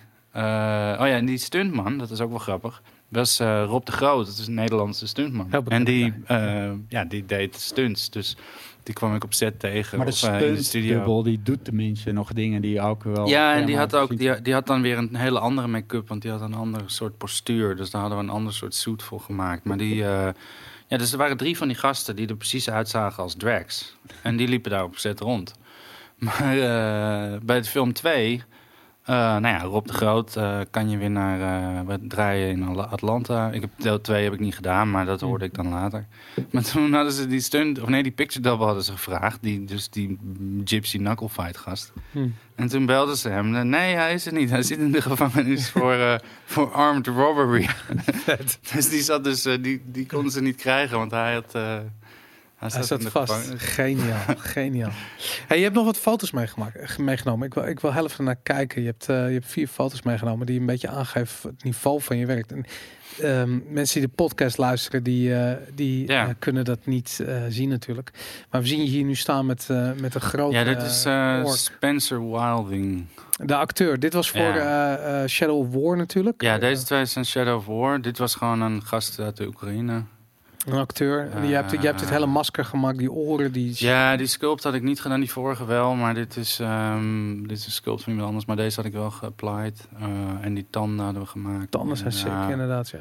En dit was een, eh, een archer, die loopt op een gegeven moment, of zo'n kruisbooggast, en die loopt dan te schreeuwen en die schiet. En eh, dat was wel grappig, want dit waren allemaal gewoon van die Oekraïense locals. En ja, die maken nooit wat mee, vlakbij... eh, Hoe zijn die dan gecast? Zijn het dan ja, dat fans? zijn gewoon die vinden, die worden daar gewoon gevonden. En sommige, oké. daar hadden we dus een cast van gekregen. Ehm, eh, en die Spencer, die woont in Londen, dus die hadden we in Londen gecast. Of gelivecast, zeg maar. En eh, wat een leuk detail was, Spencer Wilding, die kende ik al van Wrath of the Titans. Want daar speelt hij een soort Minotaur en daar had ik een pak voor hem gemaakt. ja. En hij was toen net, had, had hij Darth Vader gespeeld in eh, Rogue One. Dus eh, En dat was die eerste foto die die eerste zagen. foto was, eh, dat was Darth Spencer Darth Ah, oké. Ja. Die eerste foto, terug? ja. De eerste foto, Darth Vader in Rogue One. Kan even kijken. ja, dat is dus eh, Darth Vader. Dus ik heb ook nog een foto van ik met hem. En ik heb zo'n shirt van, de, van Darth Vader met die, met die knoppen en zo. Ja. Dan heb ik een foto met hem en dan doet hij zo'n chokehold bij me. En dan kan ik zoiets van, ja, dat is eigenlijk best wel tof. Meestal, ja, we Ik zijn ben nou nooit- ook wel benieuwd, wat, zeg maar zo'n acteur, wat zijn hun ambities? Omdat ze dan toch wel vaak in pakken rondlopen. Ja, hij is zeg maar. ehm, hij is suit performer. Dus hij doet heel veel dingen in pakken. Er is, was een tijdje terug was er zo'n Bison Kit reclame met zo'n hele grote bison die meehielp. En die is heel sterk en die tilt allemaal dingen op. Nou, En dat was hij ook. dat Maar is is, hij is hij dan doet ook over de beetje hele wereld. gepigeonholed? ja, ja. Wat zeg je? Is hij dan ook een beetje gepigeonholed? Want Ja, ook wel. Maar hij speelt ook bijvoorbeeld gewoon zo'n muscle-gast in een of andere Engelse gangsterserie. Weet je, Ja, hij is gewoon een acteur, eh, voormalig kickbokser. Hij, Gewoon een eh, grote gast. grote gast. eh, hij is ook best wel, hoe heet het? ehm, als je hem ziet trainen, hij, hij is best wel. Ja, het is jammer dat ik. Er is een andere gast waarmee ik werkte. mensen thuis, hoe heet hij ook weer? Martin Ford heet hij. Martin met een Y. Dat is een bodybuilder. Serieus, die gast. Ik heb nog nooit zo'n grote gast meegemaakt. Ehm, nou ja, twee koppen groter als mij. Ehm, drie keer zo breed. De armen zijn ongeveer even groot als eh, jouw torso. Eh, en... eh, Maar hij is niet de nieuwe Predator. Was hij niet? Nee, hij is... ehm, hoe noemen ze hem nou? The Nightmare noemen ze hem. Want hij gaat ook...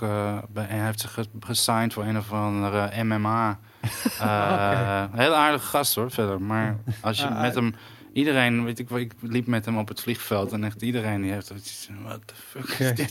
Maar is hij, ik bedoel, ze- dan zeg je aan de ene kant van ja, de guy die, die, die, die Darth Vader speelt, dan denk je zoiets van ja, zo'n guy is large, weet je. Ik bedoel, Ja, maar denk je Ja, dat... dat is grappig, want die, Mar of die Martin Ford naast die... Want hij, die Spencer Wilding is groot, maar die Martin Ford, als je die daarnaast ziet... Dan is je twee keer hey, Die is nog groter. Ja, sick. Meisje, Maar wat zei je? meisje. Nee, ik ben dan benieuwd of dat soort gasten dan ja, daar een carrière in hebben. Of, of dat die bekend zijn. Of dat je... Ja, nou je hebt bijvoorbeeld... ehm, Ja, maar je moet ook eh, andere skills hebben. Niet alleen groot. Ja, want dat is wel belangrijk. Want je hebt Ja. bijvoorbeeld die waar je had het net over de Predator. Ehm Jean-Claude Van Damme was moeilijk op de set van Predator. En Kevin Peter Hall, die speelde dus Predator. En die speelde ook Bigfoot. En die zat in een paar andere dingen. En Maar die was leeft niet meer. vroeg. Nee, de eh, eh, longontsteking is hij overleden al heel lang geleden. AIDS, dat, Ehm, dat, is een, dat is een metafoor voor AIDS. Ja, waarschijnlijk wel. Meestal is dat boy. Ja, Weet je, respect. maar, eh, nee, maar sommige van die mensen die, die, die rollen daarin. Maar wat bij Doug Jones wel grappig is, die zat bijvoorbeeld in die serie van Buffy the Vampire Slayer. Bijna zonder make-up.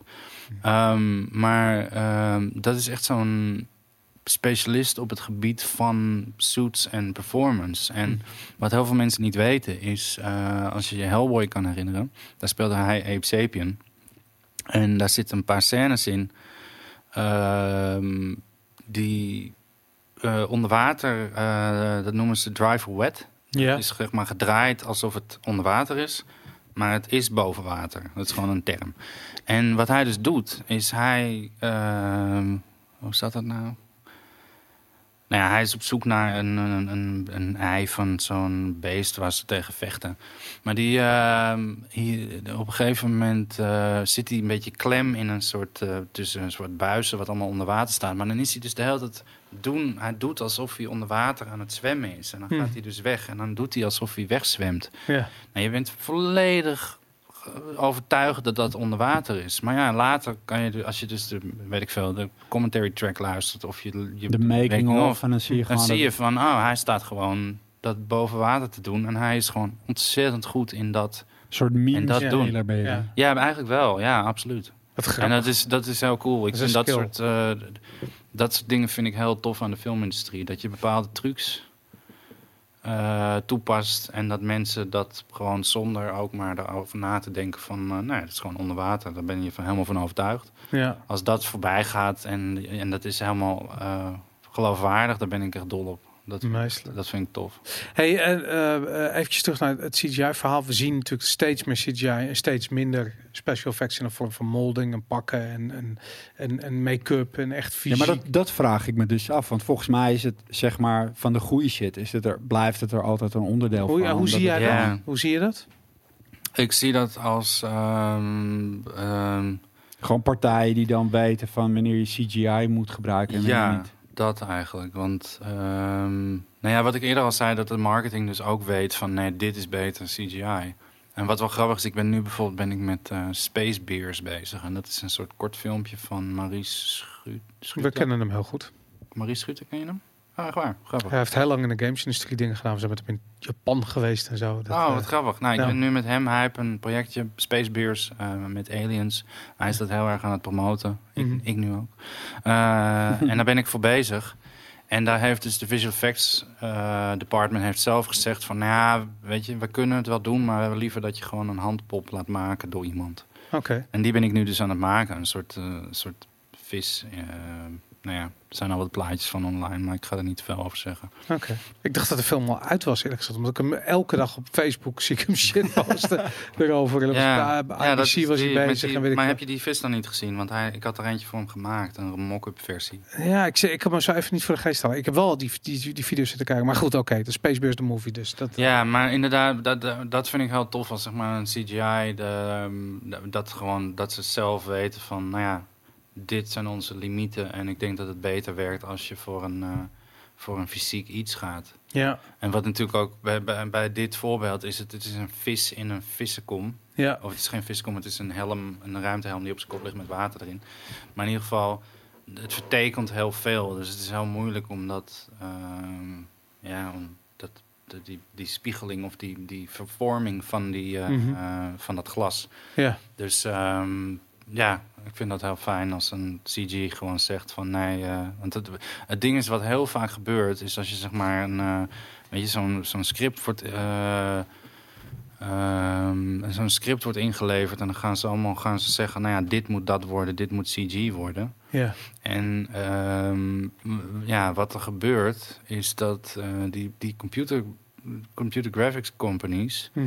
als je bijvoorbeeld een, voorbeeld, dat, dat, dat vond ik echt heel naar eh, om te horen hoe dat eraan toe gaat. Eh, Arjen Tuiten, Nederlandse eh, make-up artiest, was dit jaar genomineerd voor Wonder, die film met dat jongetje met die soort gezichtsaandoening. Oké. Maar ehm, en hij is genomineerd waar? in de, Oscars. Ja, oké. Hij heeft een studio in Los Angeles, Ren, Ren Studios. Mhm.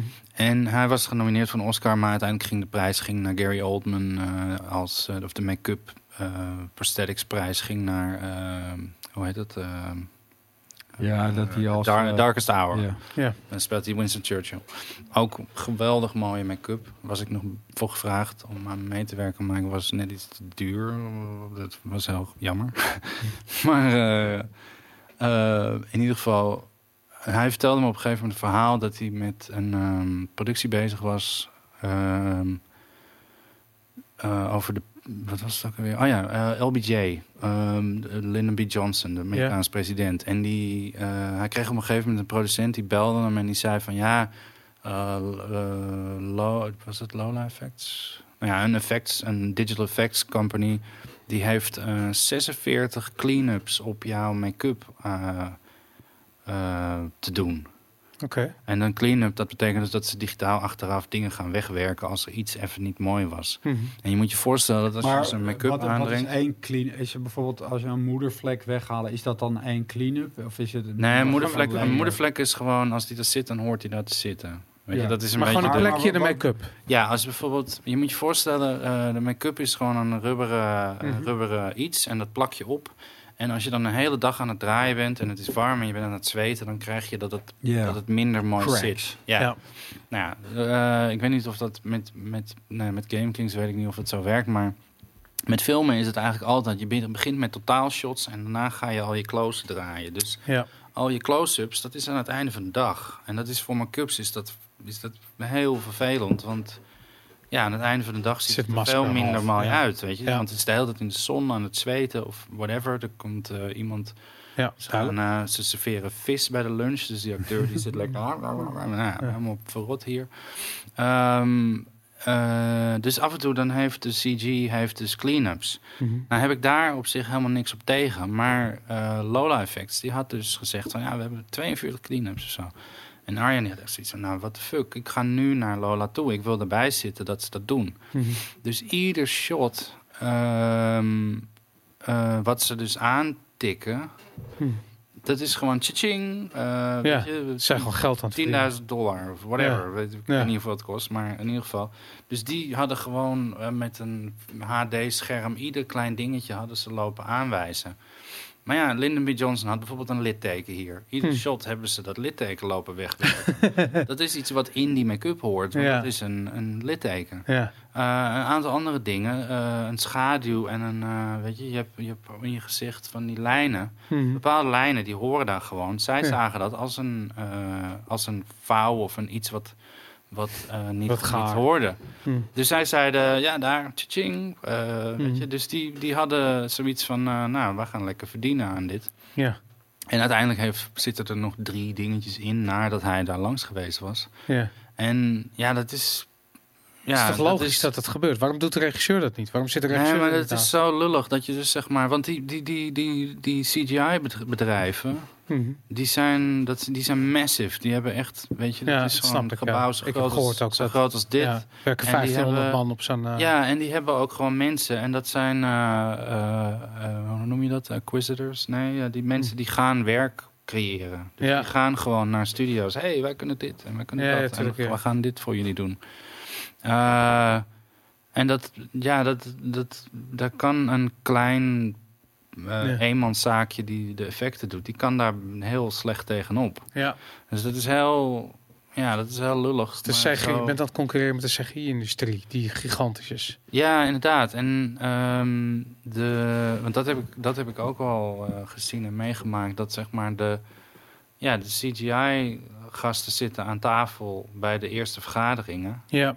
Weet je, ik heb wel eens een film gedaan en de film was een Nederlandse film. eh, ik weet niet eens meer hoe die heet. Ehm, Acteur raakte zijn benen kwijt bij een ehm, motorongeluk. Spetters. Nee, dat was, want dan was ik wel heel jong. Hoe zat het nou? nou ja, in ieder geval, hij moet revalideren en daar gaat die film over. Dat hij zeg maar heel depressief wordt omdat hij zijn benen kwijtraakt. Hm. En eh, aan het einde komt het weer goed, weet ik veel. En eh, dus er werd gebeld en eh, eh, ik, ja, moet, ik, moet- ik, ga, ik moet echt even naar het toilet. Je moet gewoon pissen. Ja, Je moet ik, gewoon- ik ga gewoon weg. ja. de maar dit is echt het spannendste verhaal Ja, van ja, dit podcast. verhaal, Jezus. dat moet je maar Rogier gaat pissen, jongens. Ja, Ja, help me Stop maar eventjes alles Ja. op pauze. Rogier gaat ik ga pissen. gewoon verder met het... Ja, heel interessant Maar, verhaal. Rogier gaat pissen. Ja. Maar in ieder geval. eh, ehm, dus ik vraag, nou ja, wat, wat voor effecten en zo. En dat was dus, eh, nou ja, hij, eh, er is een scène dat hij naakt is in het zwembad. Is hij aan het zwemmen met, met zijn benen die er dus af zijn. Mhm. En, en nog een aantal andere scènes. En ik zei, nou ja, wanneer gaan jullie draaien? Nou, we zijn al aan het draaien, maar we willen dit over twee weken draaien. En ik zei, hè, maar dit is een film waar dus de... ehm, eh, hey, volgens mij moeten we stoppen. Eh, dit is een film waar dus het helemaal draait om die gast met die benen eraf. Hoe kom, je, hoe kom je erbij om dan twee weken voordat je gaat draaien... dus pas te gaan kijken van, hé, hoe gaan we dat nou eigenlijk doen? Want het Mhm. is best wel een complex effect, weet je. En dat, dat heb ik van heel veel collega's ook gehoord. Dat, dat dat gebeurt gewoon echt heel vaak. Ja. Dat, je, dat ze een, een script hebben. En dat, weet je, omdat mijn vak zeg maar best wel... Ze weten niet precies hoe, hoe, eh, hoe het allemaal aangepakt wordt. ja. Maar zie je dat in Nederland meer dan in het buitenland? Want ik vind het ja, heel maar, Nederlands. maar het gebeurt ook wel in het buitenland. En je hebt natuurlijk bijvoorbeeld Peter Jackson, ja, hartstikke goed, maar die is een beetje verwend. En ik Ja. werkte toen bij Weta en daar was uh, Rich Taylor, was daar de baas. En daar was het wel echt zo van, eh, ja, Pieter wil dit. Ja. Heeft dan, Richard heeft dat, had dat beloofd. Mhm. En wij hadden, nou ja, wij moesten dat keihard waarmaken. Ja. En dat lukte heel vaak, maar ja, dat, Ja. eh, maar in, in, in Nederland is het wel. Ja, is het wel best wel vaak. Ik heb ook van die telefoontjes gehad van ja, we willen dit en dat en dat. En we willen het eigenlijk precies zoals die film. En dat ik zeg van oké, nou leuk. En dan word ik enthousiast en dan ga ik een begroting maken. Ja. En dan stuur ik mijn offerte en dan denken ze dat je gek bent. En dan zeg ik van ja, maar jullie kwamen met de beschrijving. Heb je, heb je een, een beetje research gedaan? Ja, heb je andere mensen het gevraagd? zijn. Ja, daarom inderdaad. ja. Dus eh, Hey Sander, het is, ik wou afscha- afsluiten met Rogier, maar die is, die is gewoon gesmeerd. Ja, dus, nou, zit die is te gewoon poepen. gaan pissen inderdaad. Ja, volgens mij is hij poepen. Hij is, eh, Ik denk het ook inderdaad, ja, maar fuck het ook. Dat, hey, we, zijn, eh, we zijn twee uur en, eh, en, en twintig minuten Ja, we verder. lopen uit. We lopen uit inderdaad. Maar ik, ik vind het fascinerend wat je doet. Ik vind het altijd heel erg grappig om te horen dat er mensen in Nederland bezig zijn om op wereldniveau hun werk te doen. En goed, we kennen elkaar al honderd jaar, dus ik vind het ook Ja, dat is wel grappig. leuk om dan een beetje van de zijlijn, Ja. om, om via Facebook en, en LinkedIn en weet ik Volgens het. mij spreken onze vrouwen elkaar inmiddels vaker. Ja, inderdaad, met kinderen en zo. Ja. ja, dat is wel inderdaad, ja. Kerel, dankjewel voor je komst. Dankjewel voor, dit, eh, voor, de, voor deze verhalen. En, Ja, ik hoop ehm, dat het, eh, dat het leuk was. Ja, het lijkt me leuk om nog een keertje door te praten over Star Wars. De film uitkomt, Star Wars 9. En dan eh, Ja, ja, ja. kunnen we dat, eh, als je NDA verlopen is, kunnen we daar misschien een keertje over, eh, over praten. Maar eh, Bedankt voor het uh, meekijken. ja, ja, goed. Voor de, iedereen die de, die de podcast luistert, we, we hebben te veel gereageerd op de chat en op de dingen die in beeld kwamen. Sorry daarvoor. Maar eh dankjewel, Sander Forterie. Dankjewel voor je komst. Ja, graag gedaan. Het was leuk. Het was eh, heel leuk om jullie weer te zien. En eh, ja, Top. tof. Dank jullie wel voor het, eh, voor het luisteren naar deze nerd culture. En Rogier, die komt weer terug. Rogier. Die heeft zitten schijten. Dus dat, eh, we gaan snel afsluiten voordat hij er weer Heb zit. je je handen gewassen? Kom even snel zwaaien, Rogier. Ja. Ik kan even snel gedag zeggen nog. Dankjewel, Rogier. Leuk dat je er weer Dag bij was. allemaal. Tot de volgende keer. Later, jongens. En nu, Doei, doei. kan, nu kan ik naar de wc.